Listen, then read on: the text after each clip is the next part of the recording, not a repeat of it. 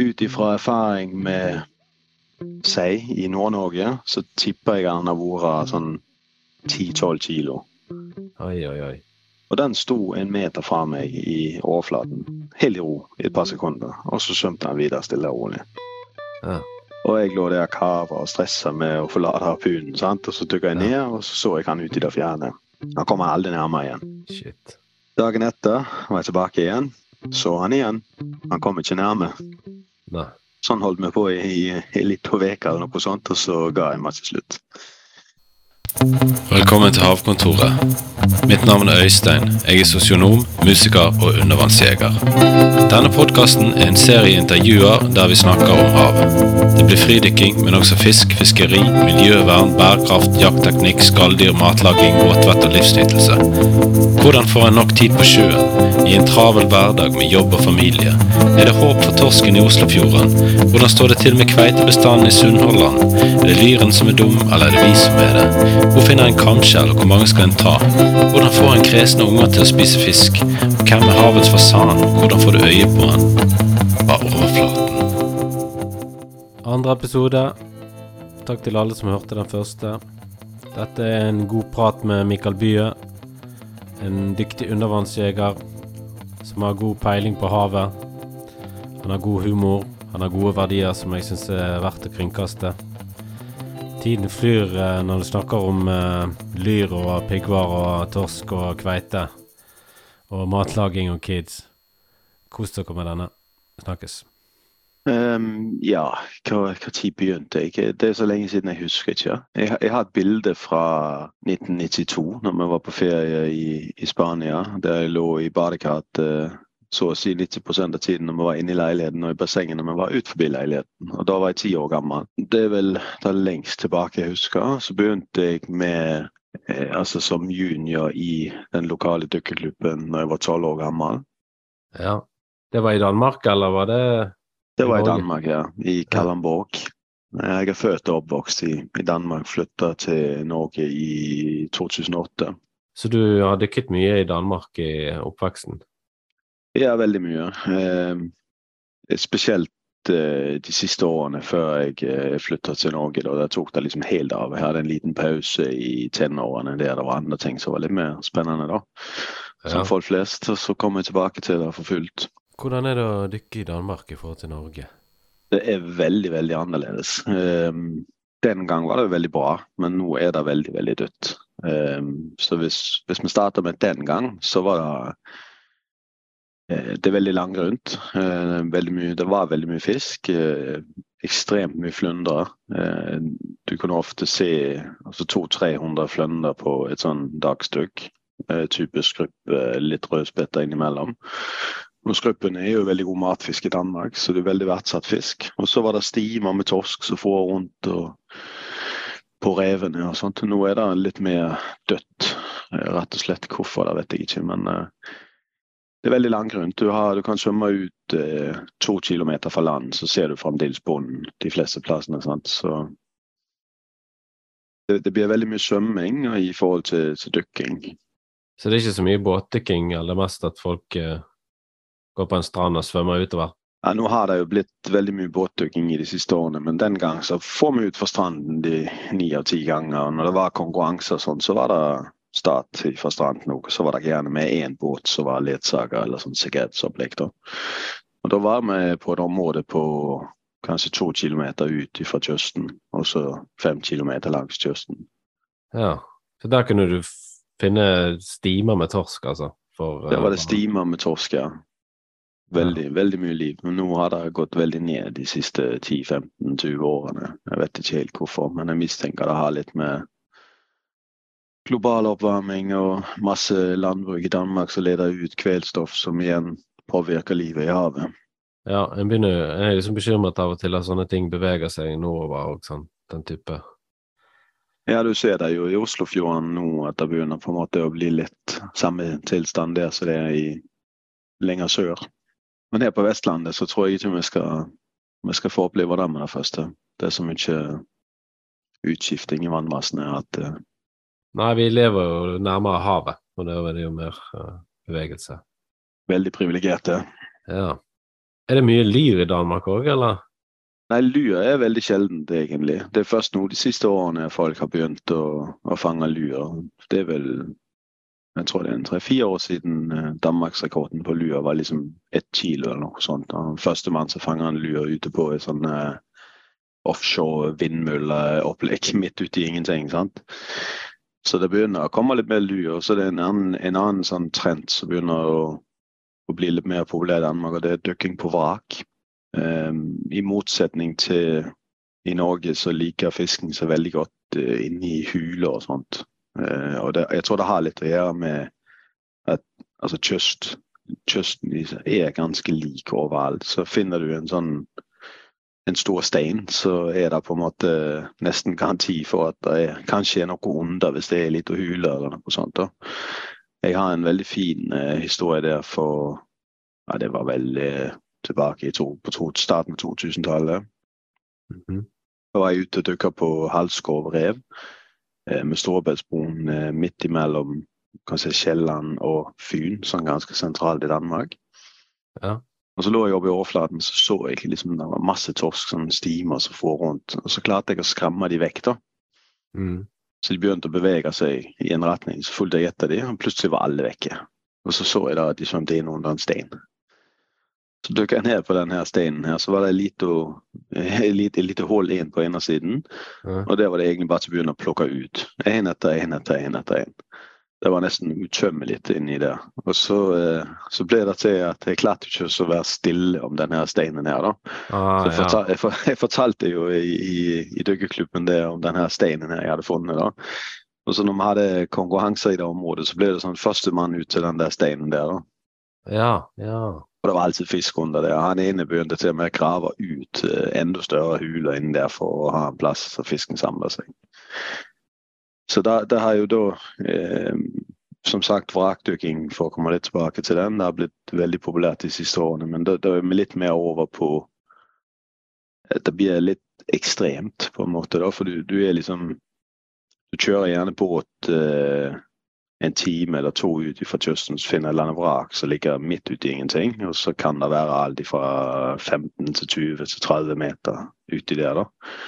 Ofte så dukker de på de vrakene som er veldig dype, da, for det er det mest fisk. ja. Jeg har liksom blanda følelser rundt det der, for jeg tenker liksom Det er nesten ikke fisk igjen. Og så er det kanskje én og to torsk der, da. Så i mitt hode så er det jakten på den siste fisken i Danmark som foregår nå. Så gjenstår å se om, om det stemmer eller ikke. Jeg hadde en sånn uh, greie i, sommer og, eh, da jeg begynte å tenke at jeg måtte slutte å jakte. Jeg hadde en sånn plass, en sånn strøm ute med hytten som jeg har vært veldig mye. Og, så når jeg fikk en eh, torsk på ni kilo der, så tenkte jeg kanskje jeg skal ligge unna. Men jeg har ikke klart det helt, men jeg har ikke sett noe særlig torsk der siden. Nei, men det det har veldig med årstiden å gjøre òg. Eh, Nå på denne årssiden, de siste to årene, da har vi nesten ikke hatt torsk som har kommet inn i fjorden. Eh, Her på Stord på Vestlandet, hvor, hvor jeg bor. da. Ja. Mens at eh, i år så ser vi allerede nå at det blir en bra sesong. Og jeg har snakket en del med folk som fisker, òg, og de har samme opplevelse. Sant? Uansett om de fisker med stang eller setter garn, så har de ikke fått noe særlig med torsk de siste to årene. men nå virker det som om at det liksom er litt på gang igjen. da. Så jeg vet ikke hva som gjør det, om det er rett og slett om de finner en annen plass å gå det ene året, eller hva som skjer. Det er jo ganske lukka fjordsystemer. Nei, jeg følte jo det var mer torsk i fjor høst enn nå. Ja, det er, om på høsten kommer de jo inn, og på vinteren finner jo torsk eh, på én meter dypt inn i Hardangerfjorden nå på denne årstiden her og utover. Spesielt hvis du driver med, prøver med litt nattdykking, da. Da er det veldig lett å finne dem. Kan du fortelle litt om eh, nattdykking og hvorfor du begynte med det? Jeg har tre barn. En på, en på 11, en på 6 og en på 4. Ja. Og um, det, er jo, det er jo sånn det er. Altså før, før vi fikk barn, så dere jeg mer enn jeg, jeg gjør nå. Og så er det liksom veldig greit nå på denne årstiden. Det blir tidlig mørkt, du kan, ungene sover, du kan liksom stikke ut uten at uh, det påvirker familielivet noe voldsomt. Det var egentlig det som gjorde at jeg og en annen eh, kar begynte med det. Og så kan du si Jeg har jo drevet en del med nattdykking i Danmark før, men det har vært mer sånn konkret jakt etter sjøørret. Det er lov å ta det i Danmark, og det er veldig enkelt og populært å ta det på, på nattøk. Mm. Men så her så opplever vi jo en helt annen sånn uh, flora i sjøen. Det, det er så mye liv som ikke Så det har rett og slett blitt en lidenskap å prøve å knekke de her kodene på når kommer de forskjellige fiskene inn, og hvor finner du de, og Jeg har alltid hatt en sånn, hva skal jeg si eh, Det må være et formål med dykkingen.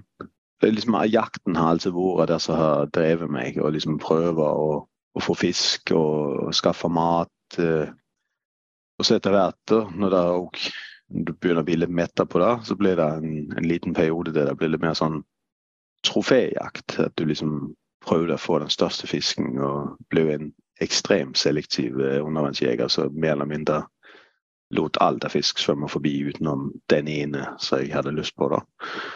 Og det er òg litt uh, det som går igjen fremdeles på, på nattdugging. Det det er litt gøy, for du kan liksom du får noen helt andre opplevelser. og du, du, kan virkelig være selektiv på nattdugging, for fiskingen er veldig veldig rolig på natten. Ja. og Det er veldig lett å observere og finne. Så da nattdukking har rett og slett blitt en, en, lidenskap. Ja, det er kult. Jeg lurer litt på om jeg skal eh, investere, jeg òg. Jeg uh, har fått veldig fot på krabbe nå, så jeg har lyst på å skaffe mer krabbe. Krabbe er jo veldig, veldig lett nå på denne årssiden på på natten eller på kvelden. Da. Hvis du venter en, en to-tre timer etter det blir mørkt, så går de helt opp i fjæresteinen nesten. Ja.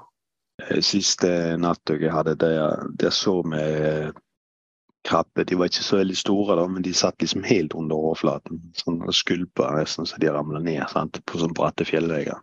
Ja, ja. Sitter de der glefser i seg, de her ryene. Kan egentlig bare svømme rundt i overflaten og plukke de. Du trenger ikke dykke ned engang, nesten. Nei. Så det er absolutt å anbefale hvis en, eh, hvis en har lyst på litt krabbe og ikke har, har lyst til å begynne å, å, fiske litt og prøve å få tak i din egen mat. Så kan du enten kjøpe en båt og noen teiner og styre på med det, eller du kan kjøpe fritidsutstyr. Ja, det er liksom alltid et eller annet en kan eh, plukke med seg når en er ute. Et uh, kamskjell òg og Kamskjell, ja. Masse, masse god mat å finne det er jo mat, mat som egentlig er veldig verdsatt. Eh, mat veldig Det er jo ikke billig hvis du skal gå på en, en fiskebutikk og kjøpe fersk fisk. Du må jo ha en, en over gjennomsnittet god økonomi, skal du gjøre det ofte, for å si det sånn. Så en får tilgang, en får tilgang ja, på veldig mye god og sunn mat. Kortreist mat. Jeg klarte å eh, få tak i en ny St. Petersfisk. Uh på torsdag. Det er jo fantastisk god å spise. Ja, det har det blitt litt mer av noen de siste årene. Du ser det flere og flere som får de. Ja. Jeg, eh, jeg, var jo så heldig jeg at jeg, eh, jeg fikk en sånn Jeg har bare fått én i mitt liv, da. Eh, det var vel i 2016. Den, den sto liksom bare helt stille i vannet. Jeg lå og filma litt før jeg, jeg tok den til slutt. Og så var jeg inne og sjekka på den her norske rekordlisten. da. Ja. Og da den den rekorden som var der fra før, den var på 330 gram. Ah. Og den som jeg fikk, den var på 440. Så jeg tenkte den kommer til å stå i ti år, sånn som den andre rekorden. da. Men eh, to dager etterpå så var det en i Stavanger som fikk inn på 2,7 kilo. ja, det er jo ganske stor forskjell. Ja, det, det, er stor forskjell. Men da hadde den andre rekorden på 330 gram. Den hadde stått i 10 eller 11 år, Så, ikke sant? Så det òg viser litt eh, hva som skjer i sjøen nå. At det kommer mer og mer sånn eh, fisker som ikke er vant med det. Så begynner å etablere seg litt mer her. Mm. Det òg er jo spennende og en ny eh, motivasjon for å, å, prøve å finne de, rett og slett, for min del. sant? Ja. Ja. Det er jo nesten så jeg føler seg litt sånn guilty for å glede seg over sånne ting. Guilty pleasure? Ja, ja kanskje. fordi de skal jo egentlig ikke være her, sant? og så blir vi glad uh, av å finne dem. Ja, det er litt sånn Men du kan si sånn så lenge det ikke er er art som på en måte påvirker eh, altså floraen og miljøet i sjøen, sånn som så stillehavsøsters og alle de her invasive artene som etablerer seg og liksom blir værende. Så en fisk er jo litt mer sånn uskyldig, kan du si. Den kommer og går, den. sant? Ja, det, det, er jo en ganske merkelig fisk. Jeg ser det som ikke helt for meg at de kan klare å gjøre så forferdelig mye skade for seg. Nei, jeg tror ikke det i, i St. Petersfisken. Jeg tror ikke den eh, I verste fall så, så dør han vel og blir til krabbemat en eller annen plass hvis ikke han klarer å komme seg litt lenger sørpå i løpet av vinteren. Da. Men det er ofte noe på høsten at du møter de her litt tropiske Men det må en del sånn eh, havabbor, eller havbas, som jeg kaller de for. Ja, ja. Noen en del folk som har observert noe i det siste. Ja. Og det er sånn som egentlig hører hjemme liksom i, i Middelhavet, eller er det Ja, Middelhavet, og så er de vel i, i ganske stort tall helt opp i altså, kysten langs England, Frankrike og delvis Tyskland òg, men der er det jo ikke lov å drive monomannsjakt, så du ser liksom ikke noen som får Eh, fangster derfra, men jeg går ut ifra de er det òg. Og i Danmark òg på, eh, på, på, vestsiden, helt nordvest, er det òg en del som driver og jakter på de. Så, men det er jo en sånn sesongfisk som vi bare finner på, på sommeren eller høsten. Ja, så de kommer med det varme vannet da på, på sommeren, og så dør, ja. de, dør de om vinteren? Jeg vet ikke om de dør, eller om de, om de flytter på seg igjen. Det, det, er liksom, det, er litt sånn nytt, egentlig. Det er litt usikkert hva, hva som skjer med dem.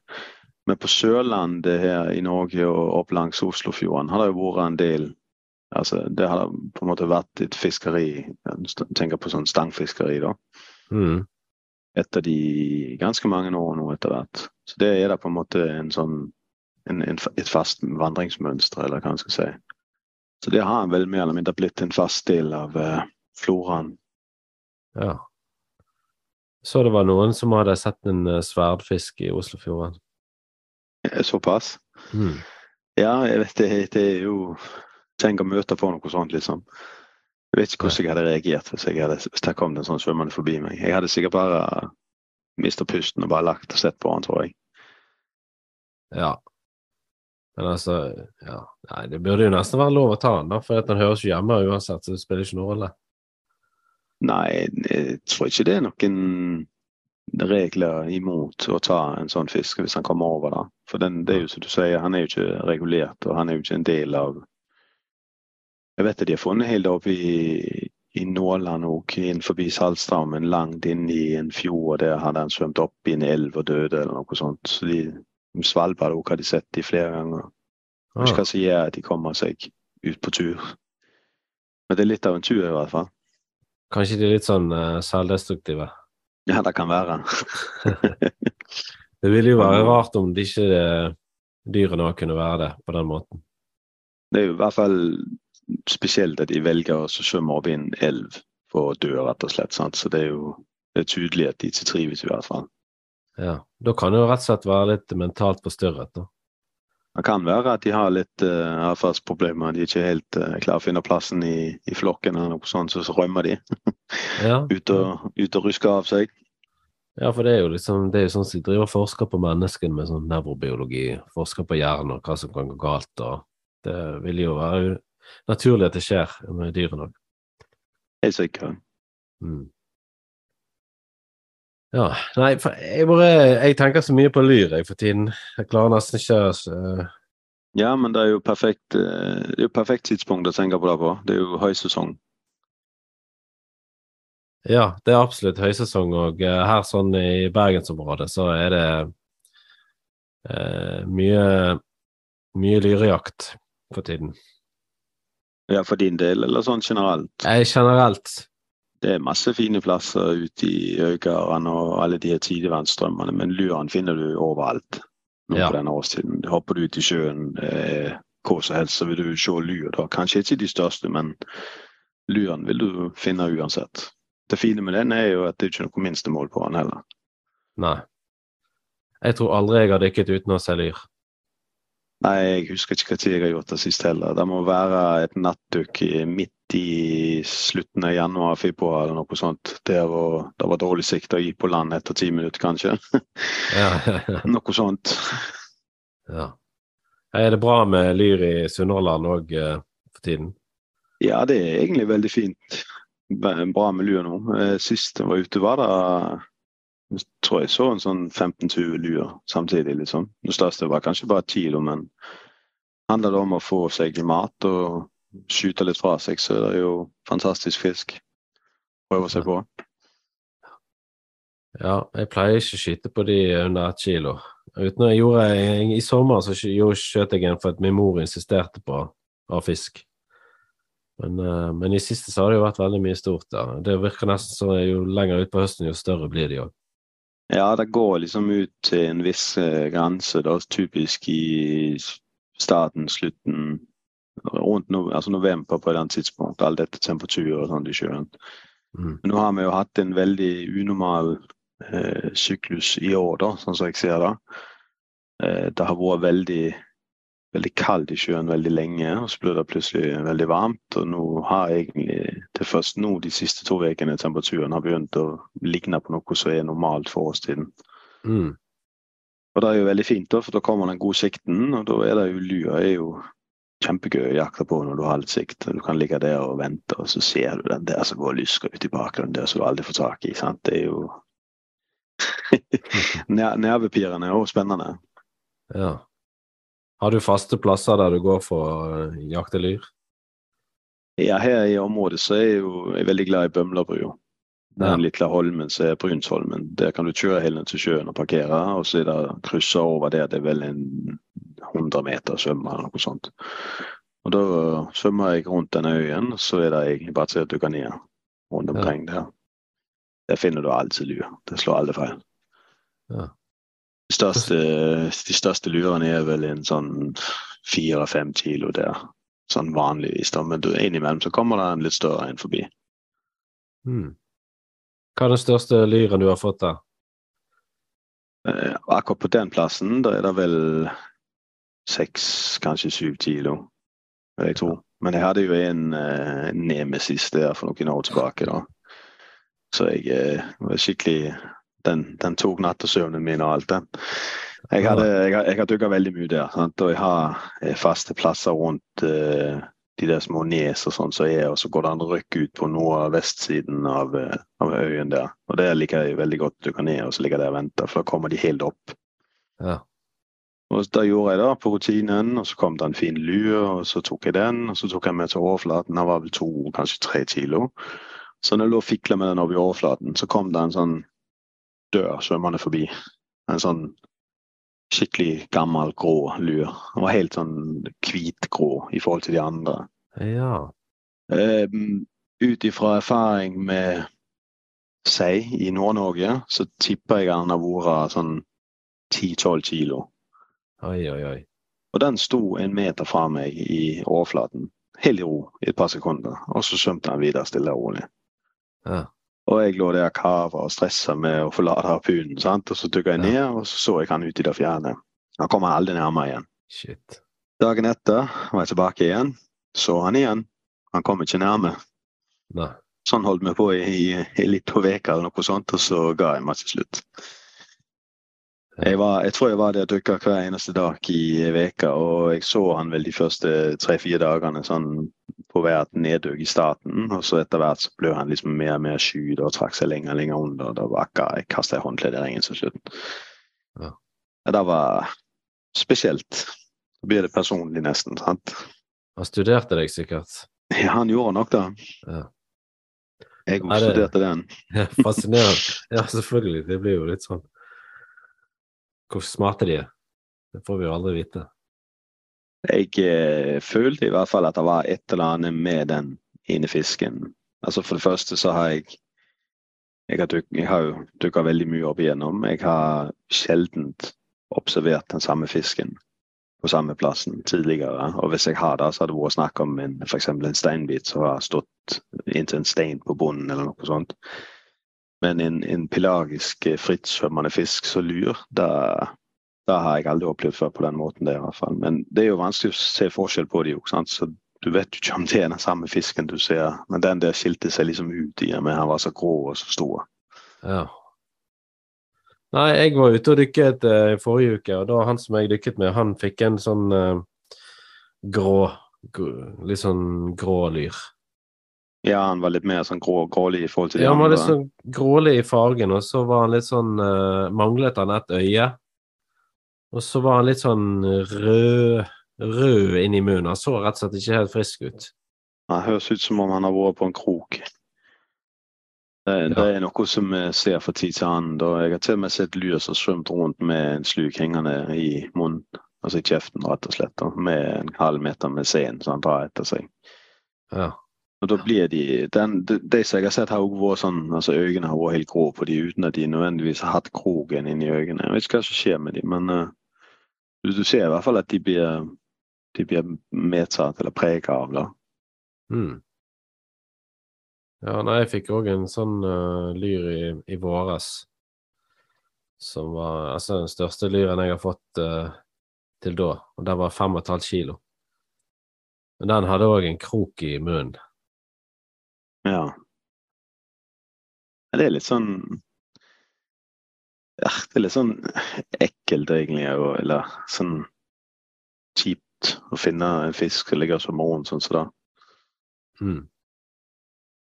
Ja, for jeg tror kanskje det var For det, akkurat i den perioden så var det ikke så mye stor lyr. Så um, det var kanskje derfor at jeg klarte å få has på den. Fordi at han eh, ikke var helt Det var litt unaturlig måten han beveget seg på, hvor han befant seg. Lett bytte. Ja. Men det er jo ingenting galt med det. Nei, nei, det var jo ingenting galt med den fisken heller. Den var jo helt fin, og den er jo for lengst fortært. Men kan du egentlig si at vi har rydda opp etter stangfiskene, da? Ja. åpna opp etter dem? ja, det er jo alltid bra å kunne gjøre sånne ting, egentlig, hvis det er dyr som, eh, som lider. Ja, det sa jeg til han som dykka med forrige uke òg, at han hadde på en måte avlivet han. Altså, det var bra det han gjorde der. Ja, det er bare å få de, få de ut av eh, De lider jo mest sannsynlig, selv om vi ikke ser det eller vet det. Jeg kan ikke forestille meg at det er noe kjekt å ligge som rundt med en krok i munnen. Til syvende og sist så vil det jo gå ut over matinntaket òg. Da vil de jo kanskje sulte eller i hvert fall bli kraftig underernært. Ja, nei, de sier jo det at fiskene føler smerte. Ja, de påstår det. Ja. Jeg vet ikke hva jeg skal tro, men eh, hvorfor ikke? Altså, de har jo et nervesystem, og de har, de har jo en hjerne òg, så jeg kan ikke se hvorfor de ikke de skal kunne føle en eller annen form for smerte. da, hvis de blir, Enten de blir skutt eller får en krok i munnen. Sant? Det er jo det som jeg har hørt fra, fra flere eh, sånn litt eldre folk, eh, spesielt en kar oppe i, i Saltstammen i Bodø som jeg har, jeg har drevet leiehus hos i, i mange år. da. Eh, han er gått opp i 70-årene og fisker hele livet i Saltstraumen. Han bodde der fast. Og han, eh, han går liksom og gleder seg til at, eh, at vi kommer på besøk. da.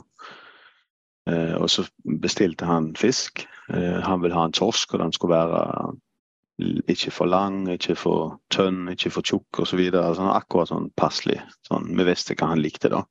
Ja. Den, den tilbakemeldingen vi fikk hver eneste gang, det var liksom at eh, det var den beste fisken han noen gang hadde smakt. Den var så mye bedre enn den han fikk sjøl. Ja. Og da, eh, han fisker jo da med, med line. Eh, så den fisken som han får, den står jo med en sånn krok eh, i munnen i kanskje fem-seks timer før han blir dratt opp og avlivet. ja.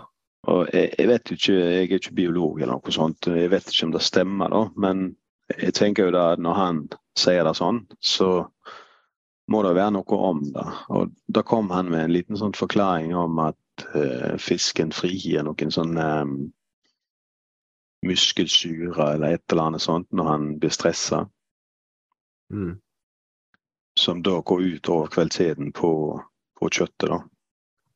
Og I mitt hode så høres det jo fornuftig ut at, at det skjer. sant? Altså, Står han der og stanger inn i, i bunnen i fem-seks timer, eller blir han tatt på, på fiskestang og må kjempe for livet sitt, så kan det jo sikkert påvirke kvaliteten på, på kjøttet. Det er i hvert fall interessant at han sier det, som har spist Jeg tror ikke jeg kommer på noen andre folk i, som jeg har møtt i mitt liv, som har spist mer fisk enn han der. sant? Mm. Og seilever var han veldig glad i. Ja. Eh, og så, men det var han ekstremt kresen, sant? for den måtte være Det er veldig vanlig med makk i fisken og parasitter og sånt der oppe. da. Ja. Så den måtte være fri for parasitter, og så måtte han være sånn bestemt fage. Han måtte være fast, han måtte være god, og så vil han ha med fisken Men han skulle ikke spise fisken, han skulle bare spise leveren. Sant? Ja. Det, det syns jeg jo var litt rart. Og så fikk jeg en veldig fin sei, og så tenkte jeg skulle ta ut leveren. Da. Så tok jeg ut leveren. Den var full i makk og misfarger og alt sånt. Da. Så fikk jeg en annen en, så tok jeg leveren for den og la med. Så når han fikk denne fisken, det første han sa var at eh, den der leveren den kommer ikke fra den seien. ja, du prøvde å lure han. Da prøvde jeg egentlig ikke å lure han, sa det vil du bare være snill med han. Men eh, den dagen i dag, så jeg skjønner ikke hvordan han liksom klarte å se det der. sant? Altså, da, da har du sett mye fisk, åpna mye fisk. Ja. Hvis du klarer hvis- å se, se noe sånt. Men det jeg lurer på da, er, i og med at han har spist så mye fisk, at det, det, er det ingen forskjell da på de som har stått på line i seks-sju timer, på de som er fisket eh, med stang rett opp i båten? Det er jo klart Hvis du får en fisk på stang og drar den rett opp, så vil jo den bli utsatt for mye mindre stress enn en som står på bunnen i kanskje fem-seks timer. Men uh, han, han påsto i hvert fall at uh, den fisken var den beste fisken som jeg kan få tak i. Så det er også noe en kan ta litt med seg videre hvis en driver med undervannsjakt eller vurderer det. at hvis vi behandler den med respekt og avliver den kjapt og får plukke den i sjøen med en gang, og sånt, så, så får du ikke bedre fisken da. Ja, og min mor sier det samme med den fisken som jeg eh, skyter med harpun. Og hun har jo spist mye fisk. Ja, hun er nett like god. Mm. Ja, da må det være noe om det. Men det er jo litt sånn eh, Det er jo Jeg vet ikke hvordan det er med folk, men altså, jeg føler som folk som er litt inni eh, undervannsjakt, absorberer veldig mye av den eh, kulturen rundt. Og da er jo en av de tingene der på en måte å avlive fisken på en human måte. Det, det står jo veldig høyt. Mm. Det, du, du er jo en jeger, og du må jo vise en viss respekt for, for det livet som du tar, enten det er en fisk eller hva det er. sant? Og jeg, jeg tror jo at det er noe som på en måte har forplanta seg litt fra eh, tradisjonell jakt. Altså at vi, vi går ut og skyter en hjort i skogen, så av, ønsker vi jo selvfølgelig å avlive den så fort som mulig. Ja. Men så folk flest ser jo på en fisk som en fisk. Det er jo bare en fisk. sant? Men det er jo veldig positivt at vi har klart å ta den der delen der med fra tradisjonell jakt til undervannsjakt. Ja. Ja. Nei, men altså, det blir jo litt sånn Jeg har jo avlivet fisk helt siden jeg var liten. Men jeg har alltid en viss ambivalens med å drepe en fisk likevel. Hvordan da, eller hva i forhold til hva? Nei, altså, jeg, eh, jeg, syns, jeg syns litt synd på de. Ja, Men eh, likevel så syns jeg jo at det er ingenting som er gøyere ennå. Nei, det er jo et eller annet med det. Altså, det er jo et uinstinkt som vi har i oss, det der med å, å jakte og, og, og drepe dyr, rett og slett. Eh, Det, det kan ikke Jeg tror ikke vi på en måte klarer å legge det fra oss, uansett hvor siviliserte vi blir og hvor mange år ut i framtiden, og sånn, så vil det alltid være et eller annet med det der som gjør at man får en eller annen liten stimulering i hjernen, enten den er positiv eller kanskje litt for, litt for opprusende. Men jeg tror den, den effekten, den, den vil og skal være der. Det, det er i hvert fall mitt syn på, på det. Altså det. Det er en naturlig del av livet. Det virker som vi er født til å gjøre det. Ja, og det er jo det, er jo det som er så spesielt med undervannsjakt i forhold til vanlig jakt. Sant? For det, det er jo Du er jo på en helt annen planet i det du går ut i sjøen. Du er i et Mm. element som du ikke er skapt til å leve i. sant? Mm. Og det er jo ingen av oss som hadde klart å leve i sjøen i mer enn ja, en time nå på denne årstiden. Mm. Hvis ikke vi hadde hatt alt det utstyret vi har på oss. Så egentlig så, så går vi går imot alt som er fysiske lover og, og naturlig sunn fornuft når vi gjør det vi gjør. Og jeg tror jo også det er det som gjør at det er så spennende og fengende, og at det har blitt så populært de siste årene. For det har jo tatt helt av. Altså når, når jeg eh, når jeg bodde i Danmark og var aktiv i, i konkurransemiljøet, så var det vel Jeg tror vi var 300-400 stykk på landsbasis som var aktive undervannsjegere. Nå er det jo kanskje 20 000, sant? Mm. Bare i Danmark. Og i det samme skjer jo i Norge at noen år siden var det jo flere fridykkere som tok eh, kurs enn det var apparatdykkere via Norges Dykkerforbund. Sånn. Det var liksom en milepæl, et sånn skifte i Et retningsskifte, rett og slett. Ja, nei, det, ja, det virker som det er veldig på vei oppover, ja. Det, som jeg også ser, det, det er mange som har drevet med, med dykking tidligere, men som rett og slett ikke har tid til det. Så da oppdager fridykking som en alternativ eh, form for, for dykking, og som egentlig liker det mye bedre enn en vanlig dykking, nettopp fordi du er så fri. sant? Det er jo så mye enklere. Du hiver sekken på ryggen, og så går du ut akkurat der du vil hoppe ut i sjøen. Hoppe ut i sjøen. Ja, det er jo litt kult uh, med flaskedykking òg. Nå har jeg ikke gjort det på veldig mange år, da, men jeg ser jo hva som er kult med det òg. Uh, du får en helt annen ro. sant? Du kan jo liksom ligge der på bunnen og bare sitte liksom og kikke lenge. Studere ting i detalj. Du slipper å, å gå opp etter luft. Og jeg har jo aldri hatt ro i, i kroppen så jeg gjør noe sånt. liksom Sette meg ned og bare se på, på en ting. Men eh, ja, det, det, er jo klart eh, du kan jo det. Men eh, jeg, for min personlige del, siste gang jeg hadde på flaska, da, da fikk jeg nesten helt sånn angst. For ja. med jeg, jeg, tok eh, tilbake på 90-tallet, når jeg var ungdom, så tok jeg et sånn C-stjernekurs for den dykkerklubben jeg var med i. De hadde en sånn klubbtur ned til Israel mm. i Rø Rødehavet. Og da tok jeg det kurset i bassenget på ei uke, og så var det liksom ja, Da kunne jeg dykke ned til var det 15 eller 18 meter eller noe sånt. Og så mm. dykka jeg i, i Rødehavet, og det var jo kjempekjekt. da. Det er det jo veldig mye å se på. Mm. Og så gikk det noen år der jeg bare drev med fridykking. Så tenkte jeg eh, ja, jeg får slenge meg på, for de skulle ha sånn kurs til Simas tostjerner. Tenkte kjekt å ha. Ja. Og Nitrox og alt det her greiene òg. Så jeg hev meg på, og så skulle vi ut og ha et sånn eh, dybdedykk, som de kalte det for. da. Um, og det er jo sikkert helt vanlig dykk i Norge ned til 30 meter. Det er jo ikke du skal jo bare hoppe rett ut forbi, så er det jo ned på 30 meter overalt her nesten. Men i Danmark så var det langt ut og ned på et gammelt vrak fra krigen og noe greier. Men når jeg kom ned der, på 28 meter, så var det svart.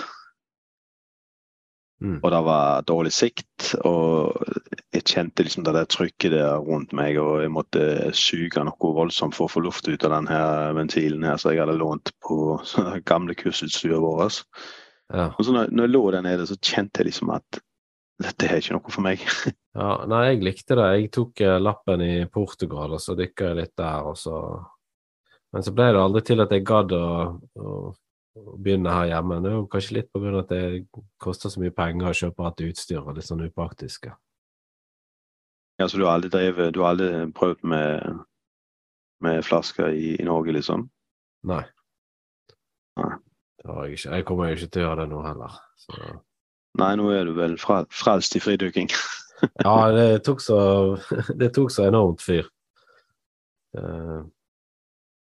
Nei, altså, det som jeg, det som jeg innimellom kunne tenkt meg å utforske litt, det er jo foto. Sant? Det hadde jo vært mye enklere hvis du hadde hatt luft på, på ryggen når du skal holde på med det. Sant? Spesielt eh, makrofoto og sånne ting. Det, det tror jeg eh, det tror jeg jeg hadde syntes var litt kjekt, faktisk. Ja. Men så samtidig så er det fullt mulig å gjøre det med fritukking, og det er mye mer utfordrende å få det til. Ja. Og, og, da er det liksom et eller annet i meg som tenker at oi, dette vil jeg prøve. Dette vil jeg se om jeg klarer å mestre. Ja. Istedenfor bare å gi opp og så ta på de flaskene og hoppe uti. sant? Nei, det er jo kult, men det er kanskje kult uh, å holde på for folk som er litt eldre. Sant? Fordi sånn, egentlig sånn flaskedykking er jo veldig sånn suteløst. Du trenger ikke bevege deg så veldig mye. Når du først kommer ut i vannet, så trykker du bare på den knappen, og så går du opp, og så går du ned. på en måte. Det... ja, det høres jo veldig suteløst ut. Jeg har en kollega som, som dykker mye med, med luft, og han, han, har jo en sånn der Hva er det heter det? En sånn der eh, det er moped. Undervannsmoped. Altså ja. jeg, det alltid, jeg, alltid,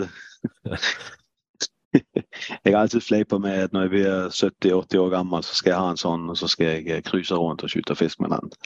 ja. Så får vi se om det går. Jeg må nesten tilbake til lyren. Jeg klarer ikke ja, ja. Jeg har faktisk lurt på om jeg skal lage en sånn uh, episode som er en sånn uh, lyrspesial. Dedikert til lyren? Ja, for det, det, er som, det, er forskjellige ting som jeg tenker på. Jeg ser jo veldig mye på den fangst- og uh, siktmelding-greien på Facebook. Det er veldig mye lyrejakten i Rogaland spesielt. Ja. Enormt mye lyr. det er jo Altså, luren det er jo den fisken som er absolutt enklest å få tak i for en Ja. undervannsjeger. Ja. Og det er et nat en helt naturlig plass å begynne hvis du skal begynne med undervannsjakt. Så er liksom luren Jeg tror, i hvert fall i Norge, da det er nok den første fisken for folk flest. Mens i Danmark så er det flyndre som står på listen. Sant? For der, der treffer du den overalt. Ja. Det er jo egentlig en Jeg vil nesten gå så langt som å si en, en veldig undervurdert matfisk. Som ikke har fått det han egentlig fortjener. Jeg, jeg tror det er litt sånn Det er ikke noe sånn kommersielt fiske etter lue heller. Det, det er ikke noe du finner i i, i kjøledisken der hvor folk fisker og handler fisken sin. sant? Du får det på som fiske, fiskehandler. Ja, der får du vel så å si det meste, da. Både fra inn- og utland. Men altså bare Jeg går av og til på en sånn fiskebutikk som ligger oppe på Landås. Der har de lyr. Men det er jo helt latterlig dyrt da, å kjøpe lyr der. Jeg lurer på om det koster 170 kroner kiloen. Så det er jo morsomt. Sikkert, sikkert, sikkert billigere enn på fisketoget uansett, da. Ja. Ja, på Fisketorget. Eh, fisketorget blir av en del folk, meg sjøl inkludert, som en slags sånn målestokk for å vise folk hvor eksklusiv den maten de spiser er. Ja, men hva er det som skjer med de der prisene de har Den? Altså, er det noen som handler der, tenker jeg på, liksom? Jeg tror ikke jeg kjenner noen som har handlet der noen gang. Nei, men hva lever de av, da? Nei, jeg vet ikke. Det kan ikke være billig å stå der eller midt i sentrum. Men det er jo turistene, da.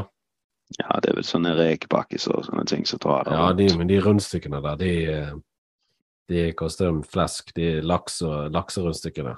Jo, men hvis du ser på kiloprisen på, på laks og breiflapp og pikkvar og sånne ting der nede, så burde jo et sånt rundstykke koste 500 kroner, sant? Sånn egentlig. Ja. Men jeg har aldri kjøpt noe fisk der. Har aldri falt meg inn.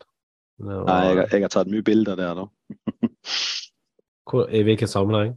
Som turist? Nei, bare sånn eh, Jeg har jo bodd i Bergen også i en eh, to-tre år, så både i sentrum og litt ut forbi. Så jeg har jo vanka litt rundt der på, på Bryggen. Jeg, synes jo alltid, Det er jo alltid fascinerende å se de der fiskene som ligger der. liksom Ja, det er spennende. Ja. ja, fiskedisker er jo en ganske kul greie, egentlig. Ja, det, det det. Og så har du akvariet i Bergen òg. Det òg har jeg brukt mine timer. for å si det sånn. Jeg hadde årskort i to år når jeg bodde der. Jeg har stått foran det der piggvar eh, i noen timer, tror jeg. Og bare Ja. sett. og det er ganske spesielt å få Det er nett så gå å sette seg og se opp på stjernehimmelen. Jo lenger tid du står der, jo mer får du øye på. Ja. Jeg snakket faktisk med en for et par uker siden som sa akkurat det samme. Han hadde bodd i nærheten av akvariet, og han var ofte inne der og kikket på piggvaren for å lære seg å se dem. ja, Kanskje han har hørt det fra deg? kanskje. Jeg vet ikke. Jeg, eh, jeg har i hvert fall snakket åpent om det, for å si det sånn. Og så er så er jo en sånn Det er jo den ene fisken som jeg ikke helt har kontroll på, da, kan du si. I forhold til hvor finner jeg han, og når finner jeg han. Og, det er jo Det skjer et eller annet oppi hodet mitt når jeg ikke klarer å liksom knekke de der kodene. Jeg blir jo helt sånn Jeg går liksom all in, kan du si. da. Prøver så godt jeg kan å få det til, rett og slett. da. Men eh, det er enkle ting som ikke er ment å bli knekt, tror jeg, når det kommer til sånne ting. Ja. Jeg klarer liksom ikke å finne ut av hvor er den, og når er den der. Nå burde det egentlig vært for piggvar, men jeg har ikke funnet noen ennå. Jeg så min første for noen uker siden. På sand eller stein? Hvor På lå han? sand. På På sand. ja. Mm. På ca. tre-fire meters dyp. ja. Den var for liten, så den fikk leve. Men, Fikk leve eh, videre. Ja, men jeg var jo veldig glad for at jeg fikk se den endelig. For at jeg merker på en måte de gangene jeg ser ting én gang, så, så er det akkurat som at eh, øynene mine eller hjernen min eller noen ting eh, husker det. Sånn at jeg da lettere ser det neste gang. Ja, det er sant. Du får på en måte kalibrert inn hva du skal se etter. da. Ja. Eh, uansett om han er nedgravd eller hva han er, så er det et eller annet med det. Når først du har sett den første, så er det mye lettere for øye på nummer to. Ja. Og så ikke minst motivasjonen til å fortsette òg, da. Ja, for jeg er jo veldig Jeg har jo veldig lyst til å få meg en, eh, en fasan. Ja, det skjønner jeg. Hvem har ikke lyst på fasan? Havets fasan. Nei, det er veldig god fisk, det, ja. Ehm, jeg har jo klart å skjemme ut ungene mine, da. Har, Ja. De to yngste jentene de eh, skal jo nesten ikke spise fisk nå, med mindre det er piggvar.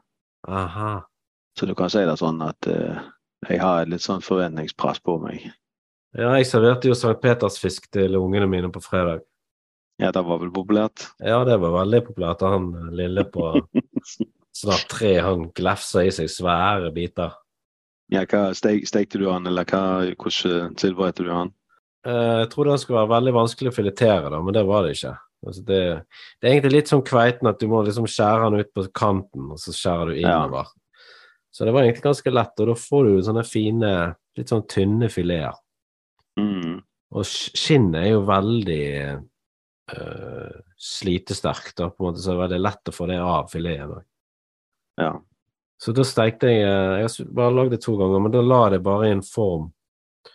Uh, og så hadde jeg liksom salt og hvit pepper på, og så litt lime. Og så la jeg liksom noen smørklatter oppå sånn. Og så stekte jeg den i ovnen på 180 grader i 15 minutter. ja. Da var det midt i blinken der, sikkert. Ja, det var fantastisk. Det er jo veldig ettertrakta matfisk i New Zealand, blant annet. Ja. Så det er jo helt spesielt at vi har den her nå. Så eh, det er veldig fascinerende at de, at de, at de lever over hele jordkloden, nesten. Ja, altså, jeg, du kommer vel nesten ikke noe lenger vekk enn New Zealand i forhold til hvor vi er nå, da. Så det er jo veldig spesielt, ja. Vi kan jo vitne litt om at det er en slags sånn fisk som på en måte bare beveger seg rundt uten mål og mening, og så bare ender han bare opp helt ute i periferien. Ja, altså når du ser på han, så tenker jeg òg tenker sånn når jeg ser på han, hvordan, altså rent anatomisk, hvordan han er utforma. Han, han er jo ikke skapt for fart, for å si det sånn. Nei. Eh, Den som jeg så, den sto jo bare der helt i ro. Jeg hadde jo harpunpilen helt opp på siden av han og filma han før jeg skjøt han. sant? Det er nesten sånn eh, klumpfisk, eller månefisk heter det vel. Jeg tenker Ja. litt på det jeg, når jeg ser de der. Petersfisk. Ja. Jeg tenker veldig sånn uh, polsk eh, tegnefilmfisk. Ja, den er jo veldig spesiell i utseendet. Ja. Når han svømmer, så er det nesten litt mer som at han spreller enn at han svømmer. Fordi at, uh, han har en veldig sånn stor, rund, stiv kropp. Så hvis man bare virrer litt med, med greiene på enden der. Ja, Var det noe fat i den som du fikk, eller? Ja, det er jo veldig De svømmer jo veldig seint. Jeg har jo, jeg har jo bomma på eh, en, må jeg dessverre innrømme. Det jo, Jo, men veldig hvis de, hvis, de, hvis de snur ryggen til det, så ser du jo ikke Da da er det jo bare en smal uh... Ja, det er jo helt umulig å treffe ovenifra, ja. Ja. Ja. Du må ha for siden, for å si det sånn. ja. Men jeg har bommet altså en gang for siden òg. Men uh, jeg hadde noen issues med harpunen, så, eh, som er løst nå. Skytetrening. Jeg har faktisk funnet ut en bra skytetreningsteknikk nå. Uh, det er å ta en kråkebolle, og så kaste den. Og så dykker du ned, og så skyter du fra bunnen på kråkebollen. Og ja, mens han uh, detter ned, liksom. Ja, mens han synker. Ja, det er vel kanskje ikke så dumt. Da slipper du å drage masse sånn bokser, blikkbokser og sånne ting ut i sjøen. Det blir Ja, ja, ja. Du klarer jo til og med å regulere bestanden av kråkeboller litt, for det er jo tema som eh, hvis, hvis vi ser litt på med sånn eh, fauna og miljø og sånt, så er jo ikke kråkebollen noe som har vært her i alle år heller. Så den utvikler seg jo veldig eksplosivt i enkelte områder og fortærer så å si alt som er på bunnen. Sant? Samtidig Ja. med at steinbitbestanden den blir mindre og mindre, så egentlig er den eneste naturlige som kan regulere det. Så da, den, den må du oppfordre til. og andre fritøyer som utøver samme teknikk der. Ja, det, det er jo det jeg gjør nå. med Ja. Må spre budskapet enda mer. spre budskapet. Ut og drep kråkeboller, Ja, Ut og Og- skyte på kråkebolleblink. eller spis de. Fordi det er jo folk som sier at det er veldig godt. Ja, jeg eh, har gjort det én gang. Eh, jeg vet ikke, jeg eh, Det var jo en som skrev et eller annet inn på det her fritøyerforumet, og så fikk jeg sagt at neste gang eh, jeg finner en sånn, så skal jeg ete den. Og så hadde jeg jo med meg en kar som hadde fått det her med seg. Så han tvang meg jo til å ete den her kråkebollen, da. Ja. Jeg, eh, jeg må jo ærlig innrømme at det er ikke min uh, greie, det der. Uh, skjell. Kamskjell, der kan jeg spise, men sånne blåskjell og sånne ting, det er aldri riktig sånn likt. Så det, å spise kråkeboller var litt eh, grenseoverskridende. Mm. Og så rett i, for sjøen med saltvann og alle de. Men det var egentlig en, en veldig behagelig opplevelse. Altså, det var ikke noe sånn eh, som jeg hadde frykta, da. At jeg liksom skulle spytte alt ut igjen og halve magesekken i tillegg. Smakte litt sånn mango eller sånn eh, fruktaktig. Mango er jo forferdelig godt. Ja, det er ikke verst. ja, nei, det er jo Men det, ja, nei, det må prøves. Eh, det er jo veldig glad i sånne ting nede i Japan. og Det er i hvert fall ikke vanskelig å få tak i hvis uh, en driver med fridykking, så det er bare til å prøve.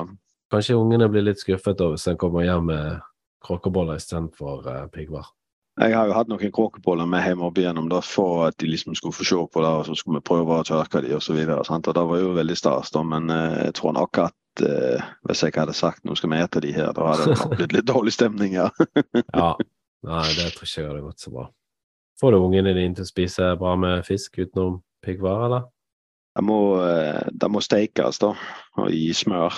Masse smør Ja. og masse panering og sånt, da, så går det ned. Men eh, eh, det som jeg ser, er at eh, det er mest sånn hva skal du si, fast fisk, altså type flyndre og sånt. Så jo, jo tønnere fisken er, og jo Mm. mer panering jeg har på den, jo mer spiser de. sant? Hvis jeg serverer en, en klump med sånn eh, ovnsbakt eh, torsk eller noe sånt, da, tar de ikke i det nesten, dessverre. Og de er egentlig veldig de er veldig sånn åpne for, for mat, og de spiser så å si alt. Men akkurat fisk, da det er har med en vei å gå. Ja. Jeg har jobbet på, og nå har jeg endelig fått se fruktene av mitt arbeid. Så, Ja, hva har du gjort, da? Nei, jeg har jo gjort eh, gått den eh, paneringsruten, jeg òg. Ja. Fisk, fiskepinner og, og så den der eh, klassiske vennefisken i mel og steker den i smør. Ja. Men, eh, men nå var det liksom et sønnen min han sa sånn Ikke sånn, ikke sånn brun, sa han. Og han ville ha det som var hvitt inni.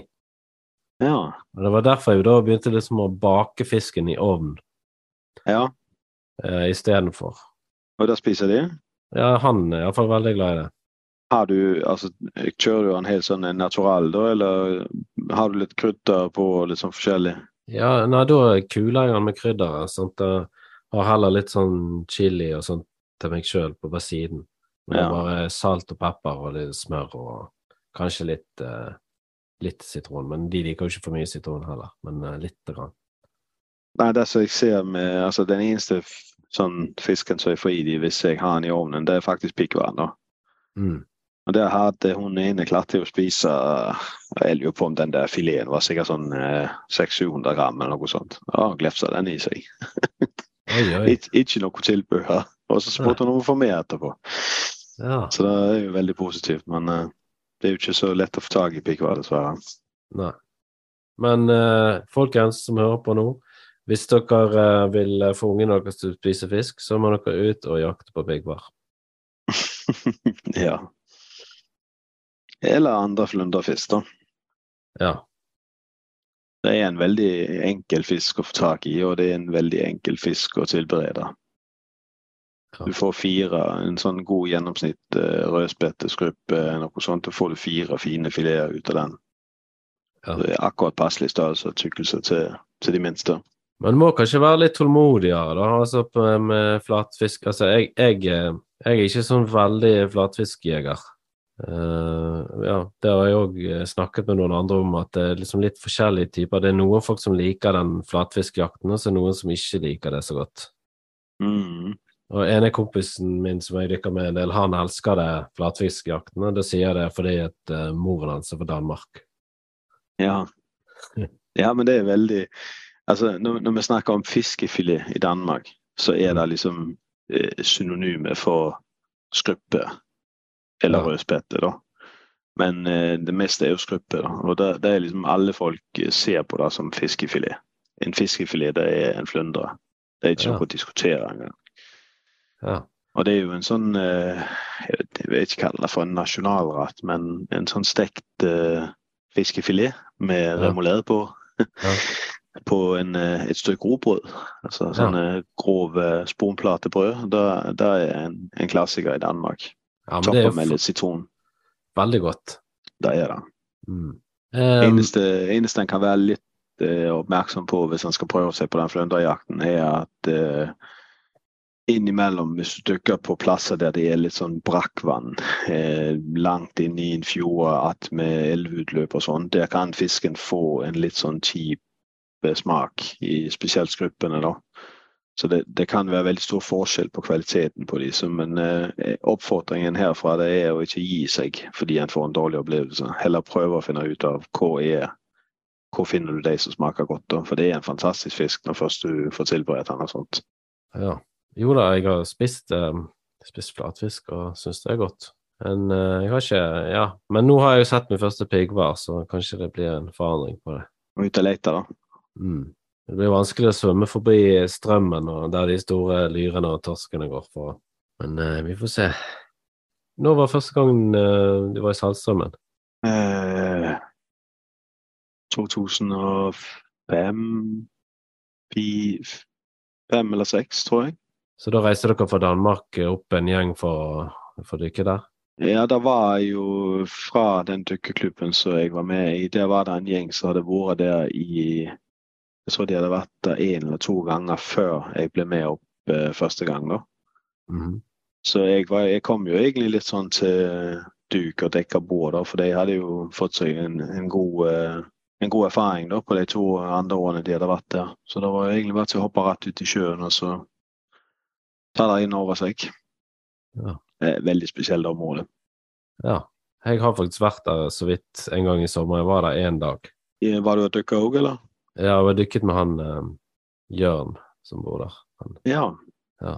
Så Men Saltstrømmen da og nå, er det stor forskjell, eller er det det samme? Det vil jo si det er ganske likt. Jeg tror ikke det er den, den store forskjellen. Altså, kanskje litt mindre fisk, eller litt mindre store fisk enn det var før i tiden. da. Akkurat når det kommer til altså Torsk er jo på en måte det som de fleste folk forbinder med saltstammen. For det er jo der du finner veldig mye av, og de er Mm. veldig store i forhold til der de er andre plasser. Mm. Jeg tror jeg, eh, jeg vet om fem eller seks forskjellige personer som har tatt en torsk på 21 kilo i saltstammen. Presis 21 kilo, meg selv inklusiv. Ja. Og det, det er et eller annet sånn det, Der føler jeg liksom der går grensen på hvor store de blir. Da. Jeg vet ikke hvorfor, men uh, det er jo litt bemerkelsesverdig at det er så mange folk som har tatt en torsk på presis 21 kilo, og veldig få som har tatt en som er større. Jeg tror bare jeg vet om ett tilfelle, faktisk. Og den var 22 eller noe sånt.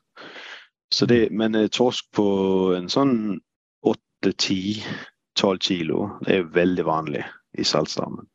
ja. Mens de litt større, de, de hadde blitt kanskje litt mindre av de siste årene.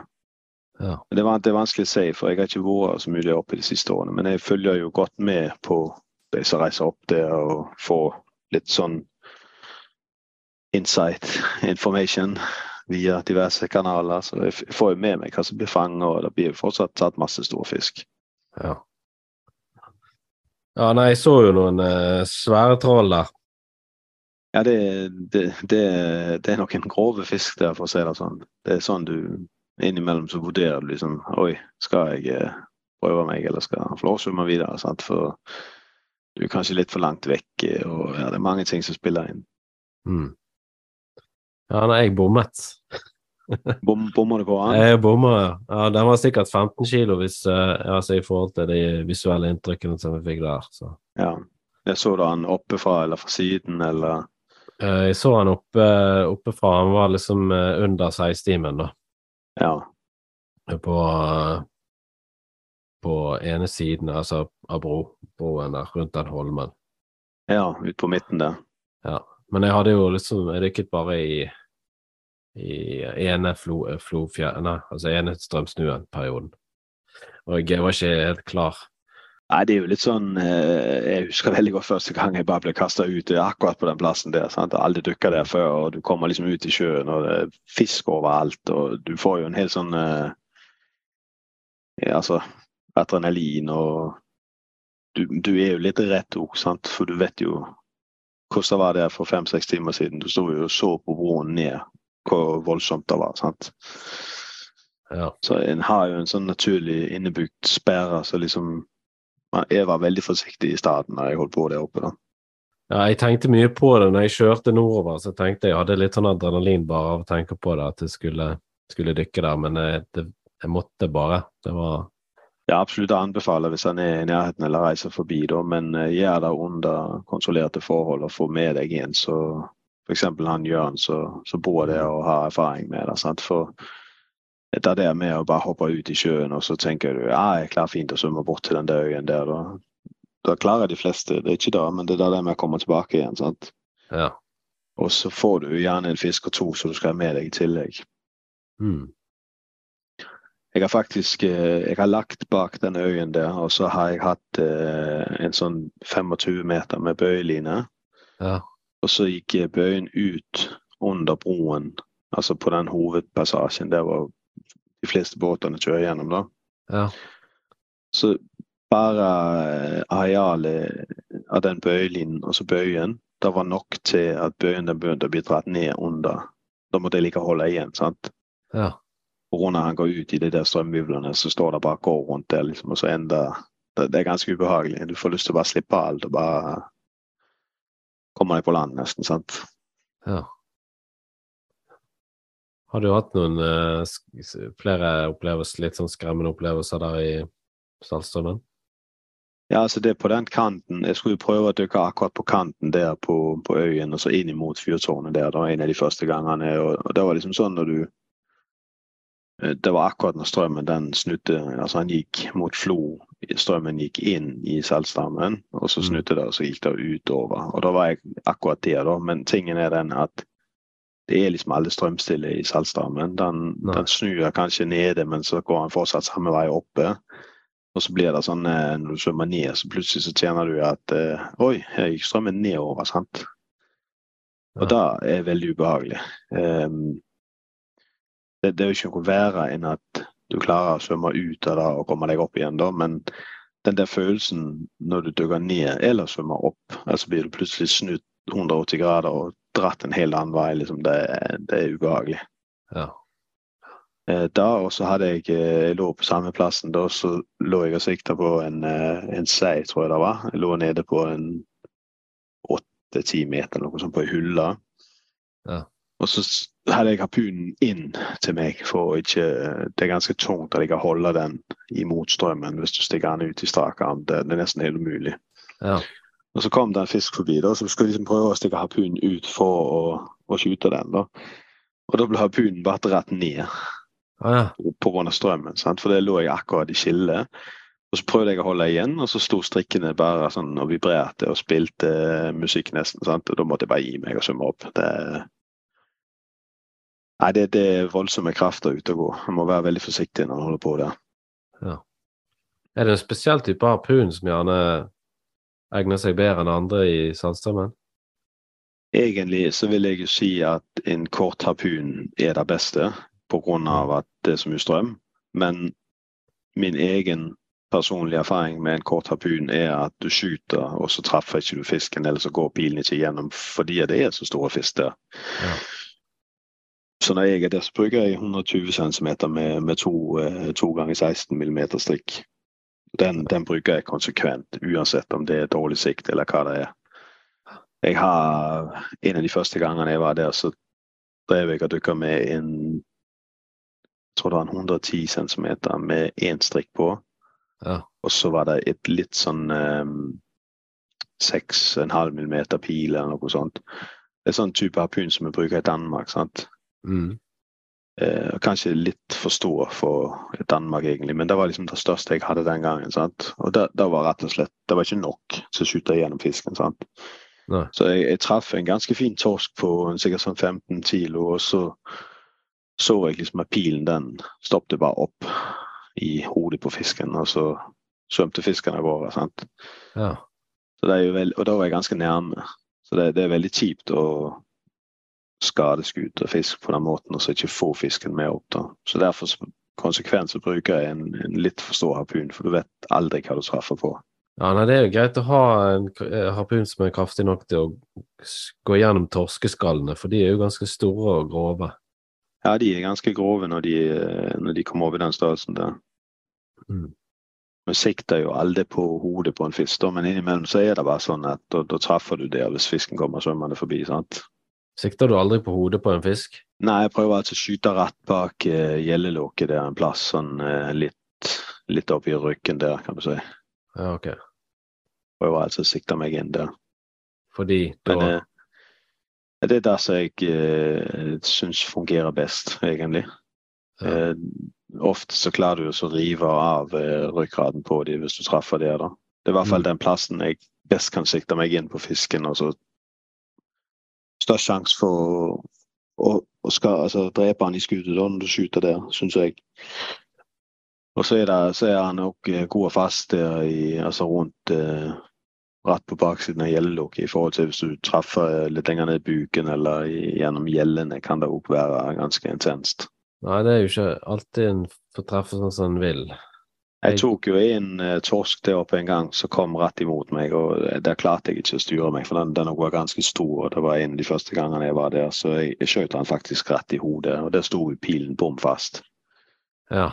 Eh, fisken døde jo selvfølgelig av alt det der, men eh, jeg fikk ikke ut den pilen igjen. Og i forsøket så klarte jeg å bøye den, så Ja, ja, ja. endte jo med at hele pilen var boss etterpå. Ja, ja nei, jeg, jeg, syns ofte at det blir uh, naturlig å skyte torsken liksom rett på. Fordi hvis han hvis, jeg, hvis han oppdager at jeg er på vei etter han, så pleier han å stikke. Men hvis jeg kommer rett på, Ja. da, da er det akkurat sånn jeg er litt sånn her forfjamset litt. Og blir liksom stående litt og lure på om han skal gå til høyre eller venstre. Ja, det er sant, hvis, spesielt hvis han står i ro, da. Mm.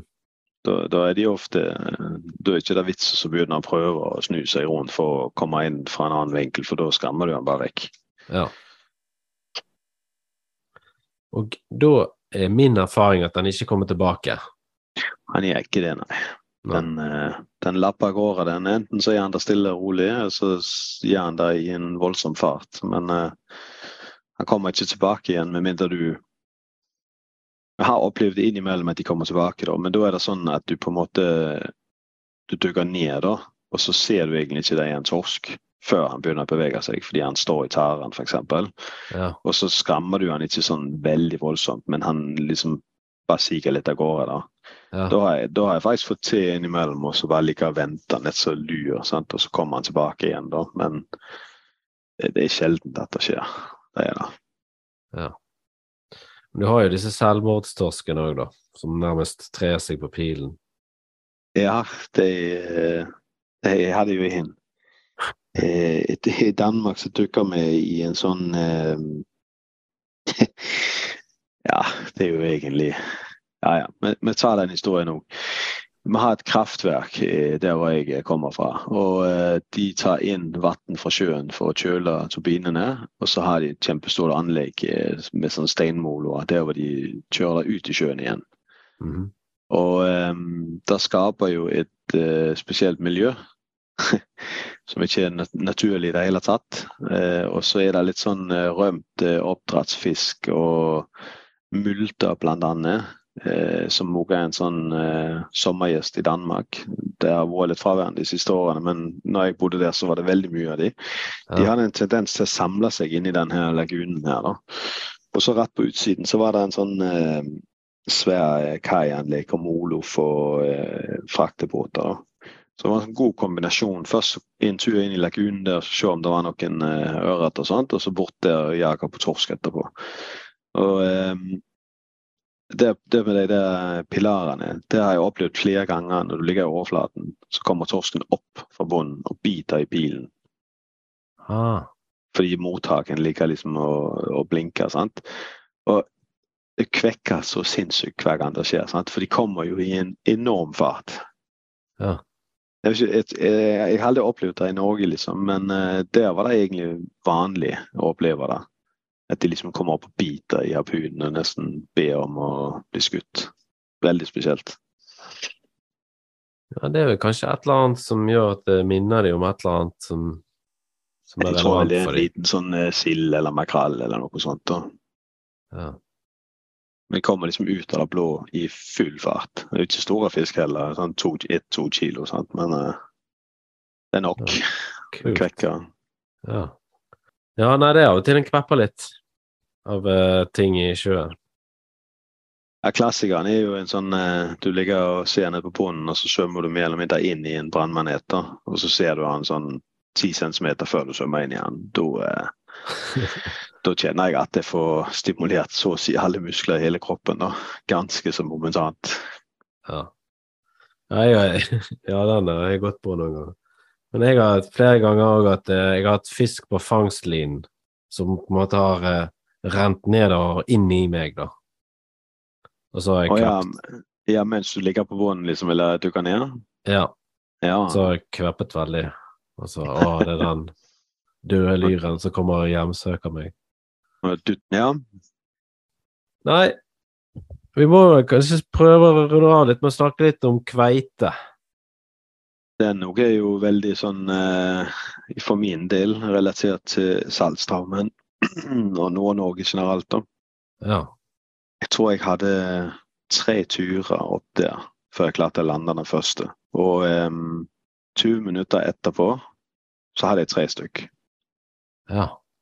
De var ikke store, men uh, det var liksom Jeg vet ikke, bare nesten du, du knakk den der koden eller et eller annet sånt. eh, sikkert svømt rett forbi. De, de, det var små fisk som lå på, på steinbunnen. Den gang var jo minstemålet 60 cm eller noe sånt, så jeg tipper de var vel 70-80 cm eller noe sånt. Det er jo fantastisk god matfisk. Ja. Ja, Kveitejakt er jo veldig spesielt, da. Jeg vet ikke hvor jeg skal begynne. Eh, Det, det er jo en lidenskap, sant? og det er en, en tålmodighetsprøve som ikke ligner grisen. Eh, spesielt hvis du reiser til f.eks. Tromsø nå på denne årstiden her, med det ene formålet å få en kveite.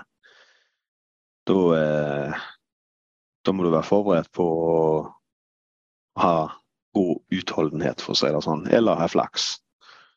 ja. For det, det er jo ikke en fisk som det finnes så vanvittig mye av. Så det kan være ganske langt imellom de. Det er visst ganske gode bestander nå, sier de på kveite i Nord-Norge.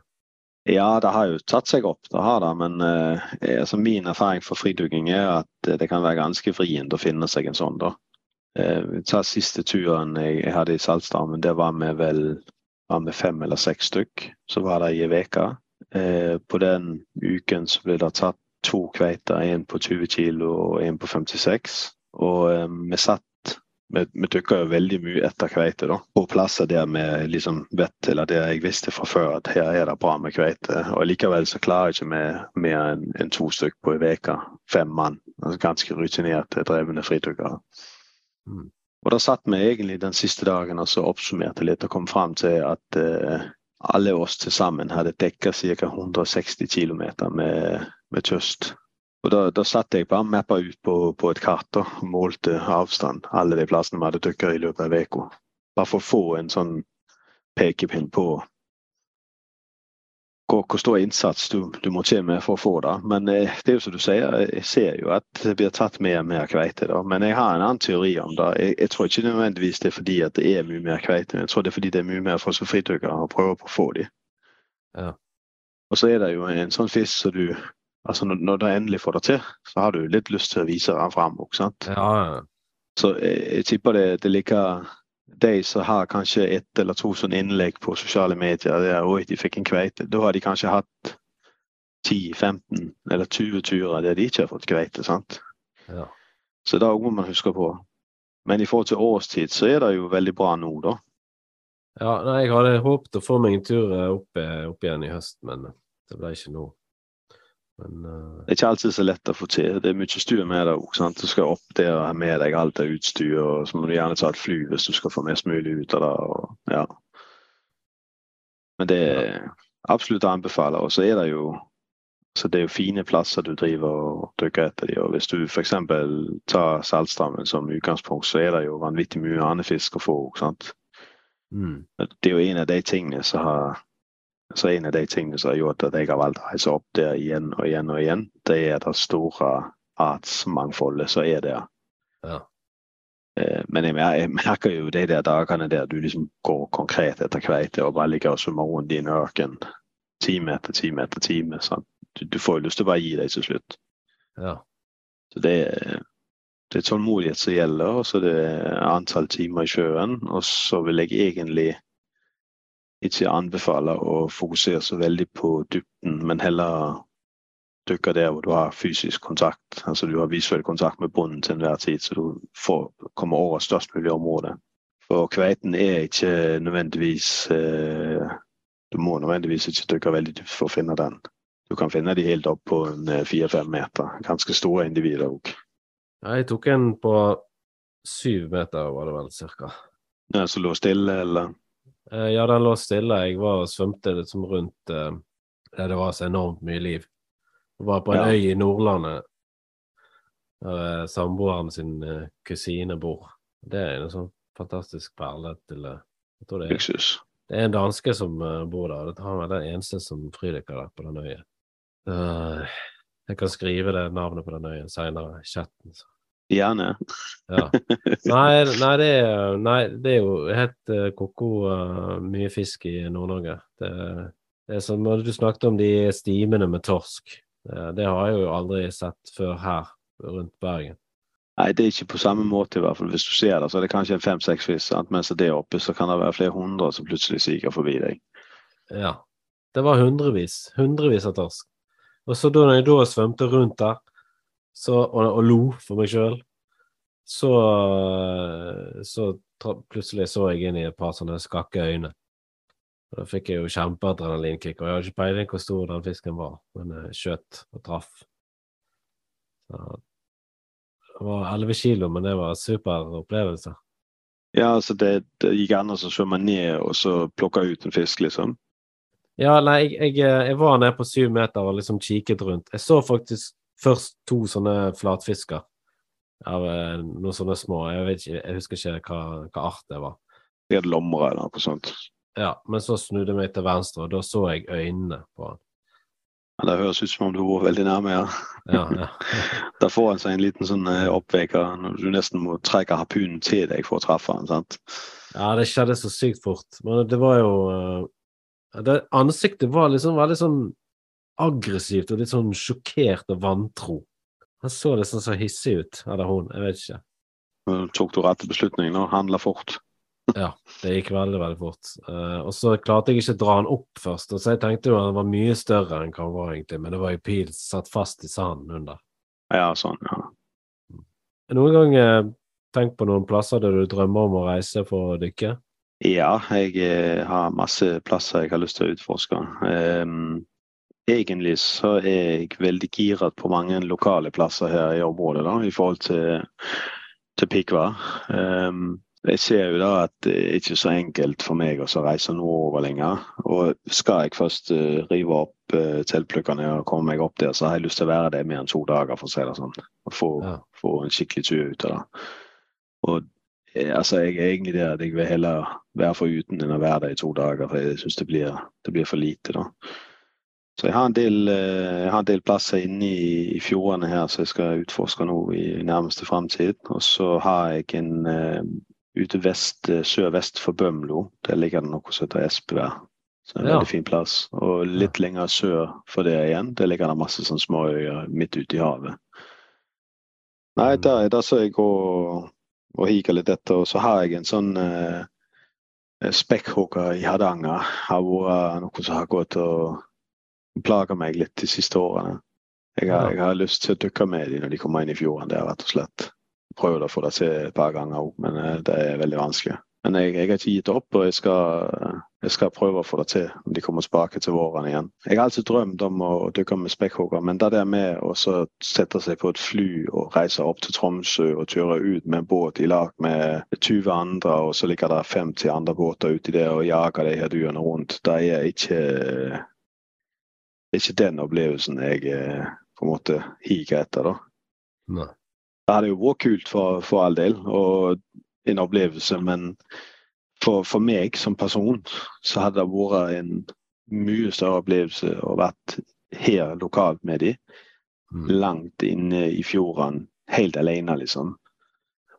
Så den, eh, den er på, på tegnebordet, den der Mars. Så kommer de nedover igjen. Og da har de en eller annen kjærlighet for Hardanger. De går inn der, og så eter de niser som er inne i fjorden.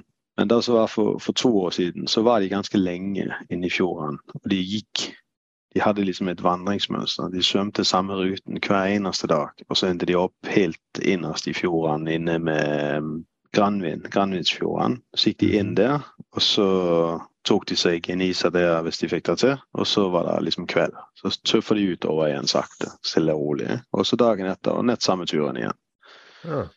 Der kjørte jeg inn med båten, og så fulgte vi de innover fra, eh, fra Jondal. Og, men da hadde jeg med meg eh, ungene sant? og ingen andre voksne, så jeg hadde ikke lyst til å bare hoppe ut i sjøen. Liksom. Men det var det, eh, den tanken der og planlegging den liksom begynte. At dette her må jeg få til. Det høres ut som du har en ganske bra plan. Jeg har en plan, men eh, de må være her, og de må være her en god stund. Og de må begynne å få det der vandringsmønsteret igjen, sånn at du på en måte kan forutse hvor de kommer, da, og når de, de er der. For ellers så er det liksom Ja. Lett å vinne i lotto, da, hvis du skal få det til. Hardangerfjorden er 160 km lang, eller noe sånt, så lykke til. Ja, men det, er folk er jo veldig ivrige med telefonen sin og, og Facebook og sånn. Så Ja, det er det er som er. Sant? Du, du får liksom eh, oppdateringer hele tida når de først er her. sant? jeg fikk en eh, tekstmelding fra en kollega som eh, at han hadde vært ute og dykket ute i Øygarden, og så hadde han vært på 18 meters dyp, og så hadde det dundret forbi en uh, tunfisk på sikkert 150 kilo, to meter lang. Oi, oi, oi. Ja, det er jo kanontøft å oppleve, men det, dette tror jeg eh, du skal ha god flaks for å få det til. Så mye som de beveger seg, og så fortsetter de svømme. Ja, nei, det er jo folk som får til det der i andre land, og kommer tett på dem. Ja, men jeg tror de altså, De har jo kommet nå for å på en måte bli det, og det har jo blitt mer og mer de siste årene. Og kvotene som vi har på de har jo økt og økt. Ja. Eh, Og nå er det jo åpna for fritidsfiske òg. Ja, det er ikke bare det forskningsfiske, men at de som driver og deltar i det forskningsprosjektet, faktisk har lov å ta med seg en fisk hjem. sant? ja. Så kanskje om en eh, 15-20 år, da, hvis det fortsetter i den retningen, så kan det jo være at det blir en mulighet for å prøve å, å drive med jakt på noe sånt. da. Men jeg tror ikke jeg tror ikke det er så lett. Men det hadde kanskje vært noe en kunne begynt å nøste opp i, hva som skal til for at en skulle fått lov til å gjøre noe sånt. Ja, det er klart da. Eh, Men utfordringen her er jo at det er jo, ofte så er de litt langt ute i havet. Sant? Og de beveger seg. Så det er jo det, er jo en fisk som på en måte er i bevegelse konstant. Jeg tror det finnes sånne eh, tunfisker-Facebook-grupper òg. Ja, der er det masse av eh, det de driver og skriver. De her forskjellige team som har blitt godkjent og er med på det her forskningsfisket. Og så er det jo to-tre båter som driver kommersielt fiske, som mer eller mindre tar opp hele den kvoten i et kast. Altså de kaster ut not, og så omringer fisken. Mm. Og det er jo, er jo sånn, Du kan jo gå inn på Marin Traffic og så se hvor de båtene er til enhver tid, og se hvor de ligger og sirkler rundt. Sant? Så det er jo ikke det er jo ikke det som er vanskelig å liksom finne ut av hvor er fisken. Det er det med hele logistikken med å komme seg ut der med en båt og komme seg i sjøen. og men vi trenger ikke tenke på det, for det er ikke lovlig. sant? Men på et tidspunkt når det blir lovlig, så skal jeg ikke se bort ifra det òg kan gå hen og bli en liten sånn, eh, en liten sånn drøm. Ja, nei, det hadde kanskje vært noe, det. Men jeg, jeg har alltid sagt til folk at jeg har, jeg har egentlig mer lyst på å skyte en kveite i Norge enn jeg har lyst til å eksempel reise til eh, en annen plass i verden og skyte en svær tunfisk som ikke kan ha med meg hjem. sant? Og der, der står jeg egentlig for den dagen i dag. For det, det, det er noe med det å liksom få det som du skyter, få det med deg hjem og tilberede det og spise det, istedenfor at det bare blir sånn at du reiser en eller annen plass og dreper en svær fisk, og så stikker du hjem igjen. sant? Det, det gir ikke meg så veldig mye personlig å gjøre noe sånt. Nei, jeg, er- jeg er litt med på den tankegangen der, altså. Det, men eh, samtidig så er det jo litt kjekt med stor fisk, men Jo, og det er jo akkurat det. Hvis du kan gjøre det i Norge på et eller annet tidspunkt, så vil det jo være en helt annen sånn altså, Da kan du plutselig sende fisken med hjem. sant? Og da er det jo en, en helt annen tilnærming, for, for min del i hvert fall. Mm. Da begynner det å bli interessant. Ja, for det er jo liksom en litt sånn helhetlig greie at en skal ta fisken, og en skal få den med seg, og en skal spise den. Ja, det er ikke bare bare å få en fisk på 200 kilo opp i båten, for å si det sånn. Nei. Så Det det går ikke an å spise den. Det går ikke an å spise heller. Jo, jeg tror det går, går fint å ete. Ja, ikke kveiten, da, men uh, tunfisken hadde gått an å spise. Ja, nei, kveiten blir jo litt for stor da, i forhold til Det går jo an å spise det, men uh, de anbefaler ikke å gjøre det. sant? Og så er det jo ikke lov heller, hvis den er over to meter. Har du smakt sånn skikkelig stor kveite? Den største jeg har tatt, var vel 60 kilo eller noe sånt. Den var ikke Den var kjempegod, den. Ja. Men det er jo ikke kjempestor der heller. Nei. Men du ser liksom at kjøttet er mye grovere enn en er mindre. sant? Ja. Det, er litt, det er litt det samme med torsken òg. Du ser på en måte, du får de her sånne hvite skillene i kjøttet.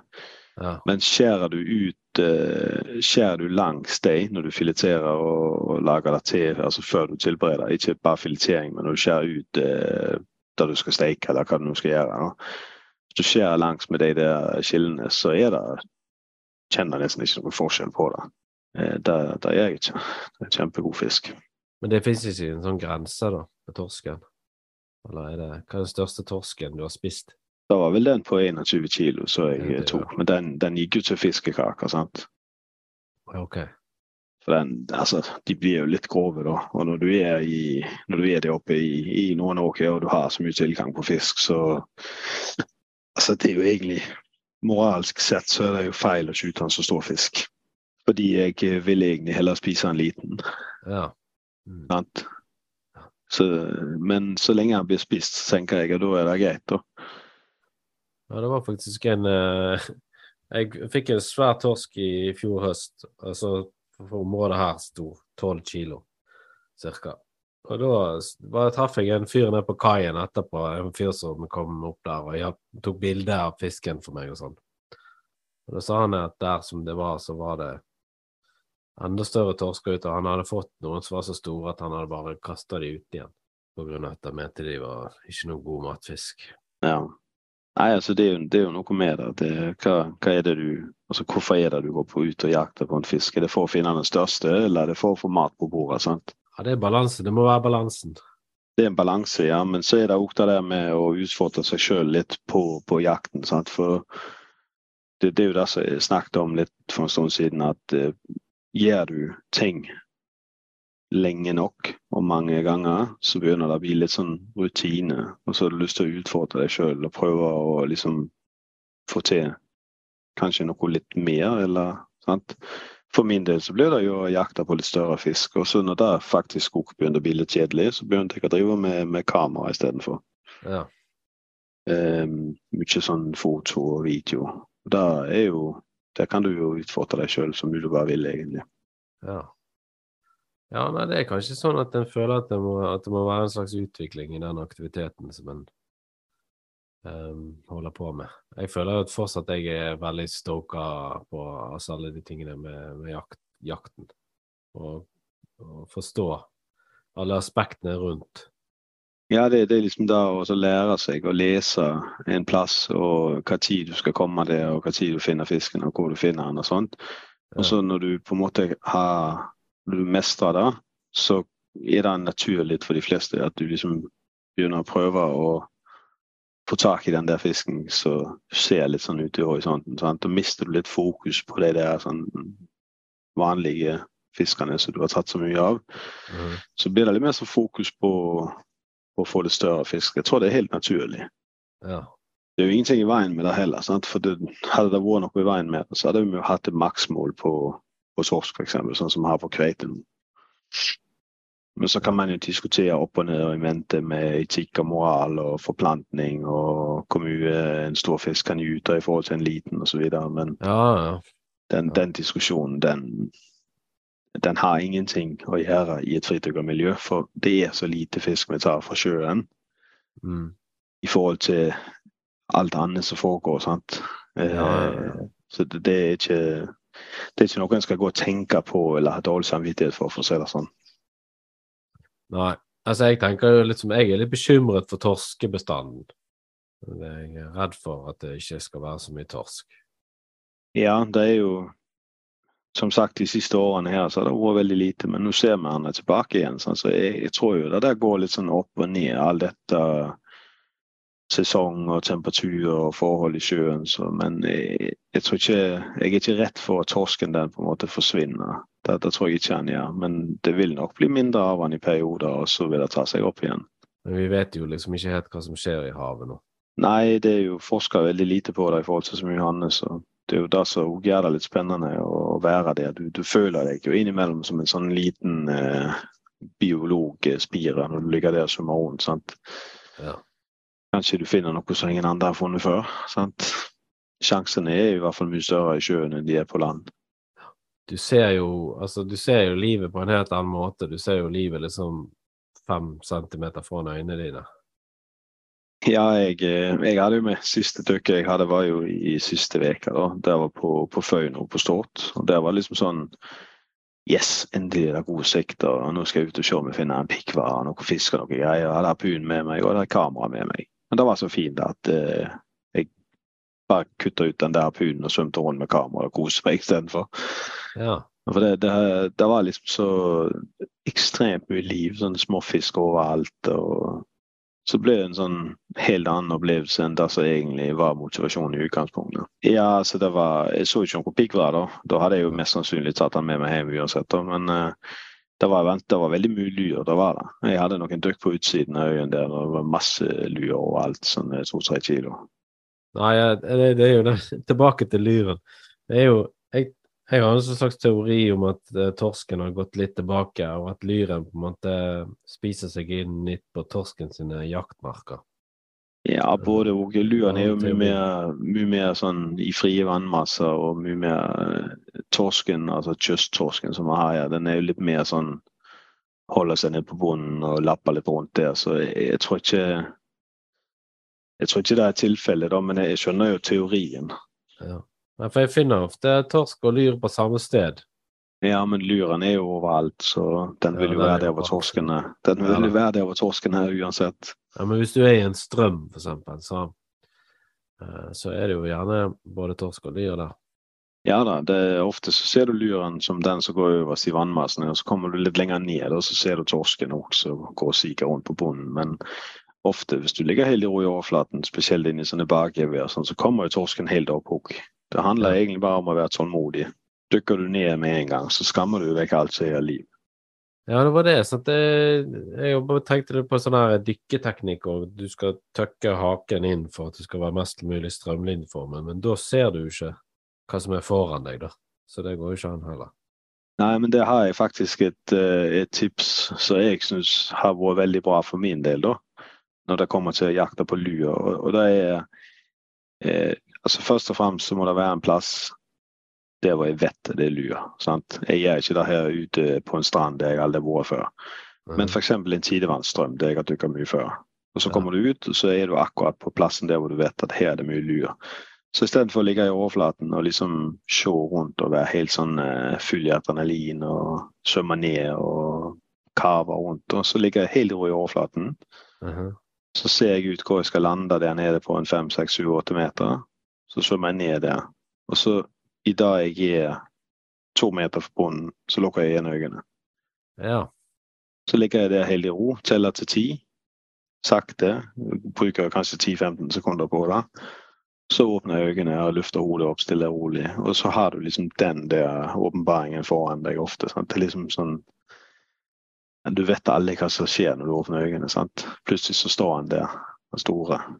Det er en sånn helt annen teknikk. Du, jeg føler på en måte jeg lurer luren litt, da. Ja.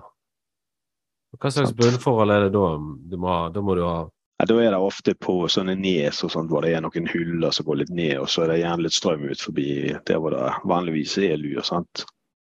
F.eks. Bømlabrua. Der er det jo en god del strøm, og så er det noen huller som går ned. Så bare svømmer ned, legger meg på en sånn hylle, ligger der og lukker øynene helt igjen, slapper helt av. Og Det er også med på at jeg får en sånn indre ro så gjør det jeg klarer å holde pusten lenger. sant? Ja, ja. Når du da åpner øynene, så er du fullstendig avslappa. Og så begynner det, liksom. sant? Da må du kanskje ha litt ekstra bly på, da. Ja, da har jeg, jeg har alltid litt for mye bly på, egentlig. Jeg liker å være nøytral på en fire-fem meter, og så begynner jeg å synke etter det. Ja. Og egentlig så er jeg ikke typen som dykker så veldig dypt. Jeg ser ikke poenget med det. Altså Svømmer ned på 15-20 meter for å jakte på fisk, så ser du de kretser rundt over hodet på deg når du går opp igjen. sant? Ja da, ja. Hva, hva er poenget, liksom? viktigste, det viktigste er jo egentlig å ikke ligge med, med positiv oppdrift når du ligger og venter i tara. Og det er der så mange gjør feil. sant? ja. Spesielt i starten. De svømmer ned, og så skal de liksom prøve å ligge og vente, og så flyter bein og alt opp, og så kommer overkroppen etter, og så ligger du sånn helt eh, rat i sjøen. sant? Du må liksom ned og kline deg inn i den taren og holde taket i taren med ene hånden, sant? så du blir liggende der. Og så må du Ja. ligge helt i ro. Så kommer det helt av seg sjøl resten. Jeg har sett noen ganger at måte når jeg er delvis tildekket, altså delvis gjemt meg bak en stein eller noe sånt, så kommer han bort for å se hva jeg er for noe. Ja, ja, det, det da de liksom Da trikker du den der nysgjerrigheten som de har, sant. Ja, ja for de ser, ja, de ser veldig nysgjerrige ut òg. De har liksom øynene helt sånn spilt opp og ja. Akkurat som de ikke klarer å la være. Det sånn det. Ja, det er en, det er en nysgjerrig fisk, og det, det er mye rart du kan gjøre for å liksom altså få dens oppmerksomhet. Sant? Du kan svømme ned og så ligge og ruske litt i bunnen, f.eks. Bare lage litt grann bråk. Da vil du skremme de vekk i utgangspunktet, men de kommer tilbake igjen med en gang. For de skal se hva, hva var det som skjedde. sant? Ja. ja, det er litt annet tema, men jeg, jeg fikk en uh, stor sei i fjor på Fitjar. Ja, På harpun eller stang på, eller harpun, på harpun. Ja. Og det var ganske sånn spesielt, for jeg så liksom den atferden som seien hadde, at den var veldig sånn uh, Veldig aggressiv, på en måte at den liksom leitet etter mat på bunnen. ja, den er veldig, små- den er veldig, veldig målretta. Ja, den er veldig målretta i forhold til luren. Den går jo og cruiser rundt i stimer ofte sant, og liksom bare piler av gårde. Men den ser en jo veldig sjelden. Ja, det er ikke ofte du ser de her på, på Vestlandet, i, hvis, med litt størrelse på i hvert fall. Men i Nord-Norge så er det jo ganske mye av de. I Saltstraumen òg er det ganske Og det er jo Jeg har alltid sagt at det er Nordens tunfisk, for den, den er så ekstrem når først du får den på pilen. Hvis du får en med litt størrelse på. Det er faktisk eneste fisken utenom kveite som har dratt ned hele blåsen min. Altså bøyen. Drog han ned. Hvor stor var den, da? Den var vel 17 eller 18 kilo sikkert.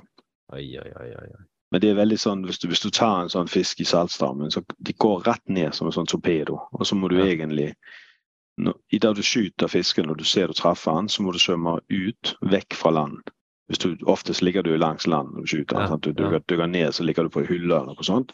Ja. Så må du egentlig bare komme deg ut, vekk fra land. For de går ned, og så vikler de seg inn i alt som er av tarer og diverse, og så sitter de bom fast der. Og du har ikke Ja, okay. sjans å komme ned der etterpå. sant? I hvert fall ikke i, i type Saltstraumen når det er kraftig strøm og alt det her. Det er helt umulig. Så det, jeg, jeg tok en der en gang på Da var den sånn 15-16 kilo. Ja. Og den, den gikk ned. Og så eh, enkelte plasser der hvor det er smalest i strømmen, der er det ikke tarer når du kommer ned på en sånn 10-15 meter. Da er det bare sånne anemoner og skjell og sånt på fjellveggen nedover. sant?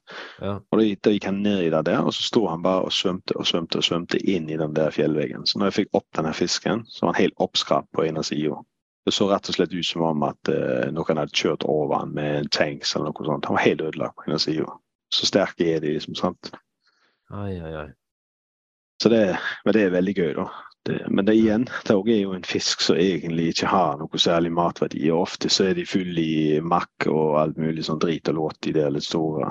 I Nord-Norge, eller resten av uh... I hvert fall i Saltstraumen, i, i området der. Det er ofte så er de veldig fulle i parasitter, både innvendig og utvendig. mm. Jeg tror at de går litt og beiter rundt de her oppdrettsanleggene. Og så drar de på seg mye drit der, og så når de flytter på seg innimellom og kommer inn i altså når de går inn og ut av fjordene, da er det typisk i sånne utløp som i saltstrammen du treffer på dem. sant? Ja. Det er ofte, Jeg har tatt en sånn på en 15-16 kilo som var altså helt uspiselig. Det var ikke helt ødelagt. Full i makk innvendig, og leveren var helt uh, vekk nesten. Sant? Så Bare ikke hive det på sjøen igjen. Det er jo nesten synd å drepe den, men du vet jo ikke det før du har skutt den heller. sant? Nei, nei. Er det sånn samme som kveis? Jeg vet ikke hva det er. Det er i hvert fall full i lakselus på utsiden. Eh, og så eh, masse sånne det Nei, det er ikke kveis. Det er noen sånne små hvite makker som kravler rundt inn i både innvoller og kjøtt og alt. Ah, Det er, veld, det er veldig utbredt i, i Nord-Norge, i hvert fall i forhold til her. Du ser det veldig ofte på fiskene der oppe. Men det er ikke noe farlig i det som sånn. da. Eh, Det de sier er at så lenge du varmer det godt opp, så går det fint an å spise det med makk og alt. Men det frister jo ikke så veldig, da. Nei, nei. Nei, det gjør jeg ikke. Nei, det Nei, jeg var jo borti noe sånn eh, torsk med kveis i der oppe i Nordland. Ja, Og jeg fikk jo se de, for jeg tok en torsk, og jeg visste at det var kveis i der. Eh, den tok vi opp, og da jeg sløyet den, så så du jo at det var små sånne sånne små brune makk. Ja han var ikke helt død da, kan du si. Han var fortsatt levende, torsken, etter du hadde sløya han. Å ja, sånn ja, at han var levende på ja. Levende innvendig. ja da. Jo, det var sånn eh, Ja, så den gikk rett i kattematen. Ja. Ja. Men Nei, det er der jo- sa de at det var steinkobbene som uh, smittet torsken med kveis. Ja, det kan sikkert stemme. Da jeg har hørt den der før i andre sammenhenger inne i Østersjøen rundt eh, Bornholm, så er det veldig mye sånt. Ja, ja, der nede òg, ja. Jeg har Så en det- kamerat som eh, ikke liker torsk pga. kveis. Så jeg hadde snakket med han om det en gang, og så hadde jeg en sånn drøm om at kveis var et fotballag.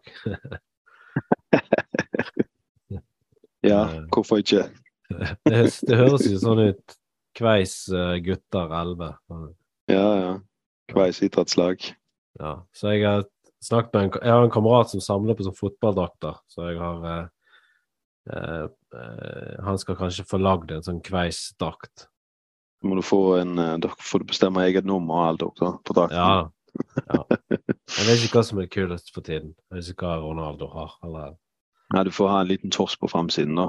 ja, som er eller, sånn en, klubb, klubblogo. eller som en sånn kveiseorm. Æsj. Hva er det som er så gøy med å fridykke? For Hvorfor er det så meg, gøy? Hvorfor er det så gøy? for meg så er det jo en Det har blitt en livsstil, på en måte, da. Og så har jeg jo blitt avhengig. Altså, jeg vet egentlig ikke hvor gøy det er, men det gir meg noe som jeg ikke får andre plasser. Det er fred og ro, og så er det på en måte Så Uansett hva som skjer i livet mitt, eh, privat, jobb, hvor gale det enn måtte gå, og hvor mye du går og bekymrer deg på ting og sånt, med en gang jeg kommer ut i sjøen, så er alt det der vekke i en liten stund. Det er liksom my happy place, da, om du vil. Ja. Så Og den, den følelsen, den er litt sånn avhengighetsskapende. For min del, i hvert fall. Ja. Ehm, så er det en periode der det skjer mye og sånt, så, så er det liksom et eller annet som drar meg ut i, i sjøen, da. For å finne fred og ro, og liksom koble helt ut. Ja, det, det er jeg helt enig i. Skjønner hva du snakker om. Så, og så er det jo kjekt òg. Altså, det er jo det er jo spennende. Det er jo en, en annen verden som ikke vi liksom er skapt for å leve i, eh, som jeg var inne på tidligere, med altså, alt av utstyr og sånt. Det, hvor, mye, hvor mye fisk tror du du hadde klart å fange som fridykker hvis du hadde hoppet ut i sjøen uten noen form for utstyr, liksom? Nei, det, da skulle det vært veldig sånn eh, målrettet. Så måtte det vært den riktige tiden på året. Så måtte du liksom egentlig hatt Ja, det er Altså, da, vanskelig. da, når, når jeg stiller det spørsmålet, så det bildet som jeg har oppi hodet sjøl, det er bildet av en eller annen uh, urmann i, eh, på en eller annen liten øy ute i Stillehavet som hopper utfor ei klippe med en pinne i hånden. sant? Ja. Eh, det, det er liksom på det nivået. Det er det du klarer å få til. Og det er akkurat For å si det på en annen måte, da. Det som du klarer å få til, det er akkurat i skillet mellom luft og vann. Ikke Ja. noe mer enn det. Nei. Og det er det som gjør det så interessant for min del. Det er liksom eh, å være der, og ikke, altså ikke være i stand til egentlig gjøre noe i utgangspunktet, og så får du det til likevel. Det syns jeg er interessant. Ja. ja, det er fantastiske greier. Han er opererer, så det er et godt materiale. ikke bare det, det har jo utvikla seg enormt de siste 20 årene. Sant? Så Før i tiden så hadde vi jo ikke sånne drakter som vi har nå, og det er, det er jo en vanvittig forskjell. Ja. Jeg husker da jeg var unge, vi skulle på de her svære glidelåsdraktene. med- Du sto jo nett som en sånn eh, fykleskamsel når du var ferdig påkledd. sant? Klarte nesten ikke å gå, så skulle du ut i sjøen. sant? Da ble det litt bedre, da, men i, for, i forhold til i dag, så er det jo Altså takk Gud for den eh, teknologien og, og det utstyret som vi kan få, som gjør at vi kan være i det elementet. ja.